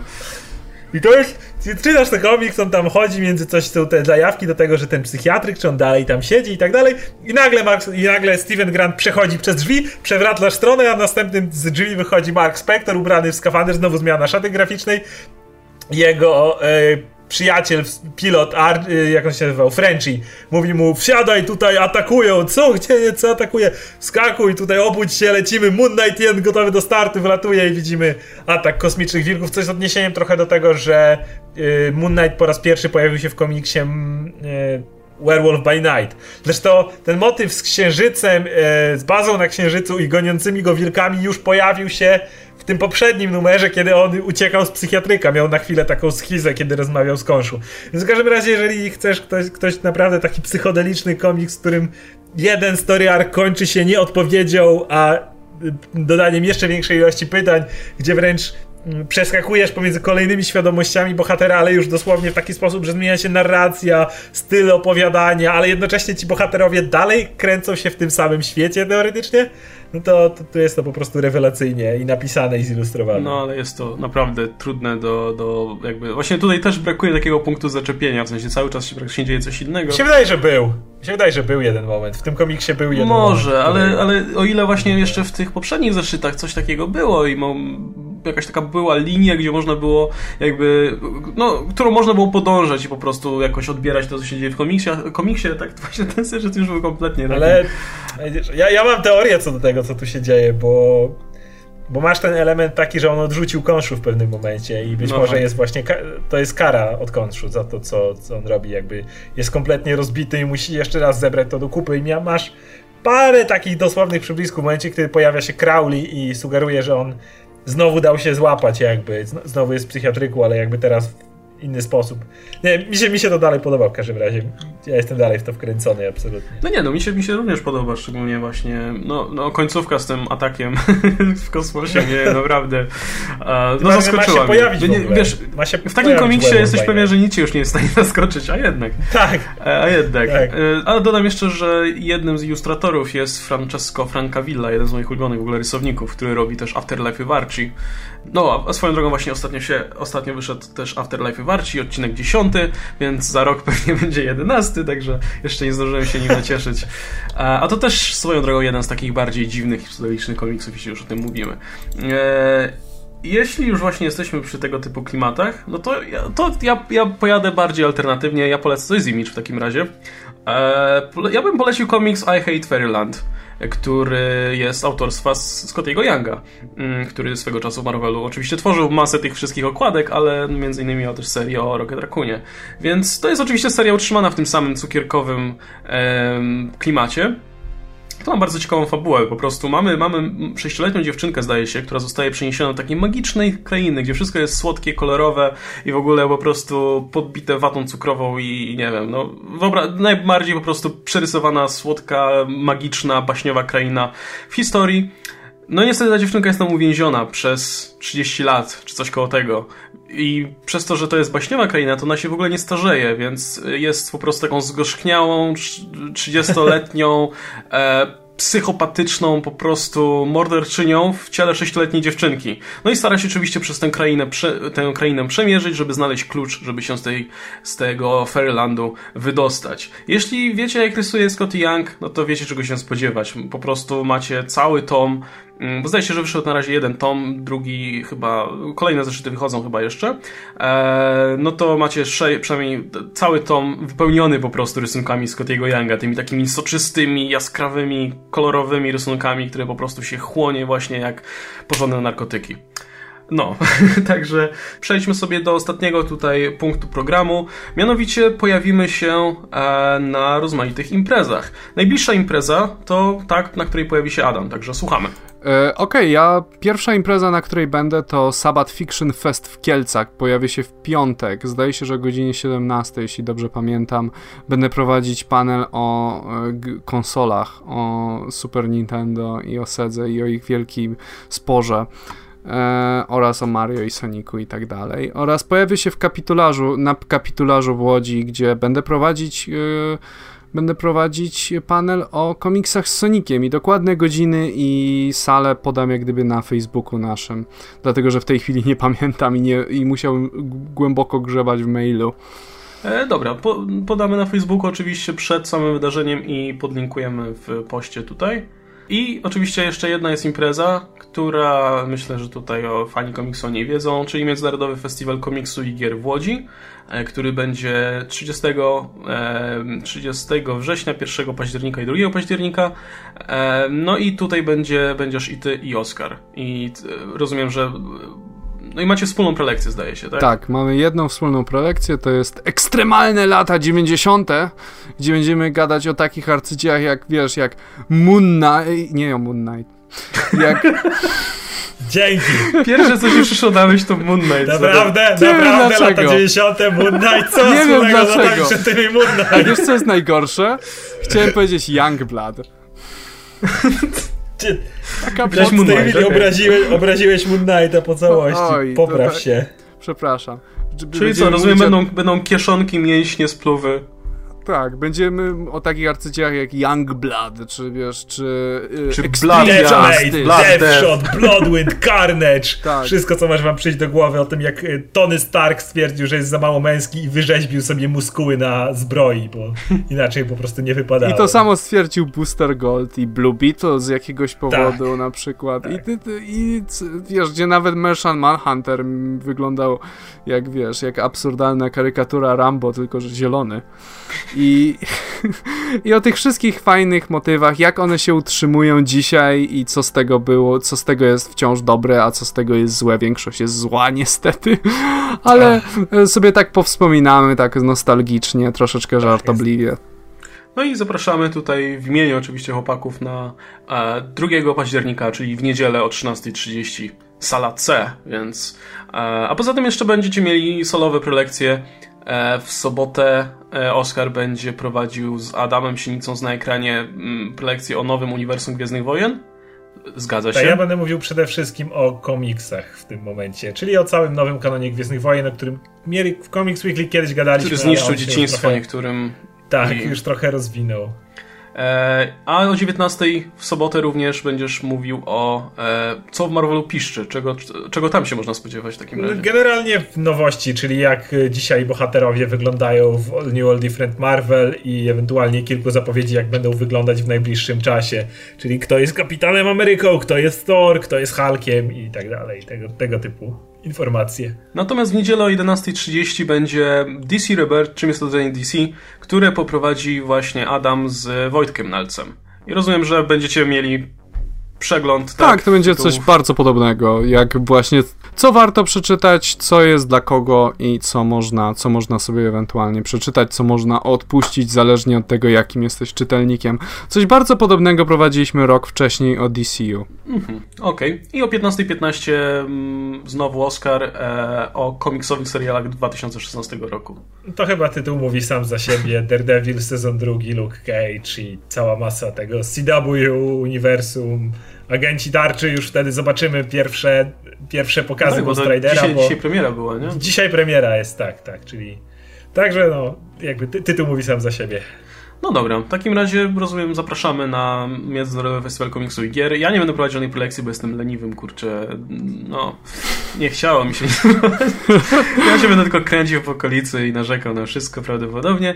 E, ale nie, fest, akurat festiwal moim zdaniem zapowiada się całkiem nieźle. To jest oczywiście tylko parę prelekcji z całego programu. Wygląda naprawdę fajnie. E, na spotkanie z Milo Manarą chociażby się przejdę, bo jestem fanem tutaj, ale, ale ci no i także możecie zobaczyć nas, nas tam prawdopodobnie naj, najprędzej oczywiście na tych prelekcjach i od razu powiem, że nie wiemy, czy one będą nagrywane, nie mamy pojęcia, jeśli jakaś dobra dusza się zlituje i nam to nagra, potem udostępni nagranie, no to pewnie udostępnimy to gdzie się da, ale nie możemy tego obiecać, więc wiem, że o to będą pytania na 100%.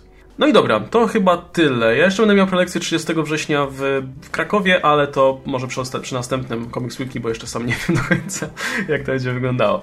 Dobra, także to tyle i widzimy się, mam nadzieję, już w tym tygodniu w normalnym terminie, ale zobaczymy jak to wyjdzie. W każdym razie najpóźniej za tydzień. Ze mną był Oskar Rogowski, komiksomaniak. Cześć Wam. I Adam Antolski, Ankon Mruwa. Hej wszystkim. Oczywiście sprawdzajcie nasze social media, sprawdzajcie nasze kanały na, na YouTubie, tam będą trafiać ekskluzywne rzeczy, których nie ma w podcaście, więc warto. E, a my widzimy się, tak jak wspominałem, najpóźniej za tydzień. Także trzymajcie się, do zobaczenia, cześć.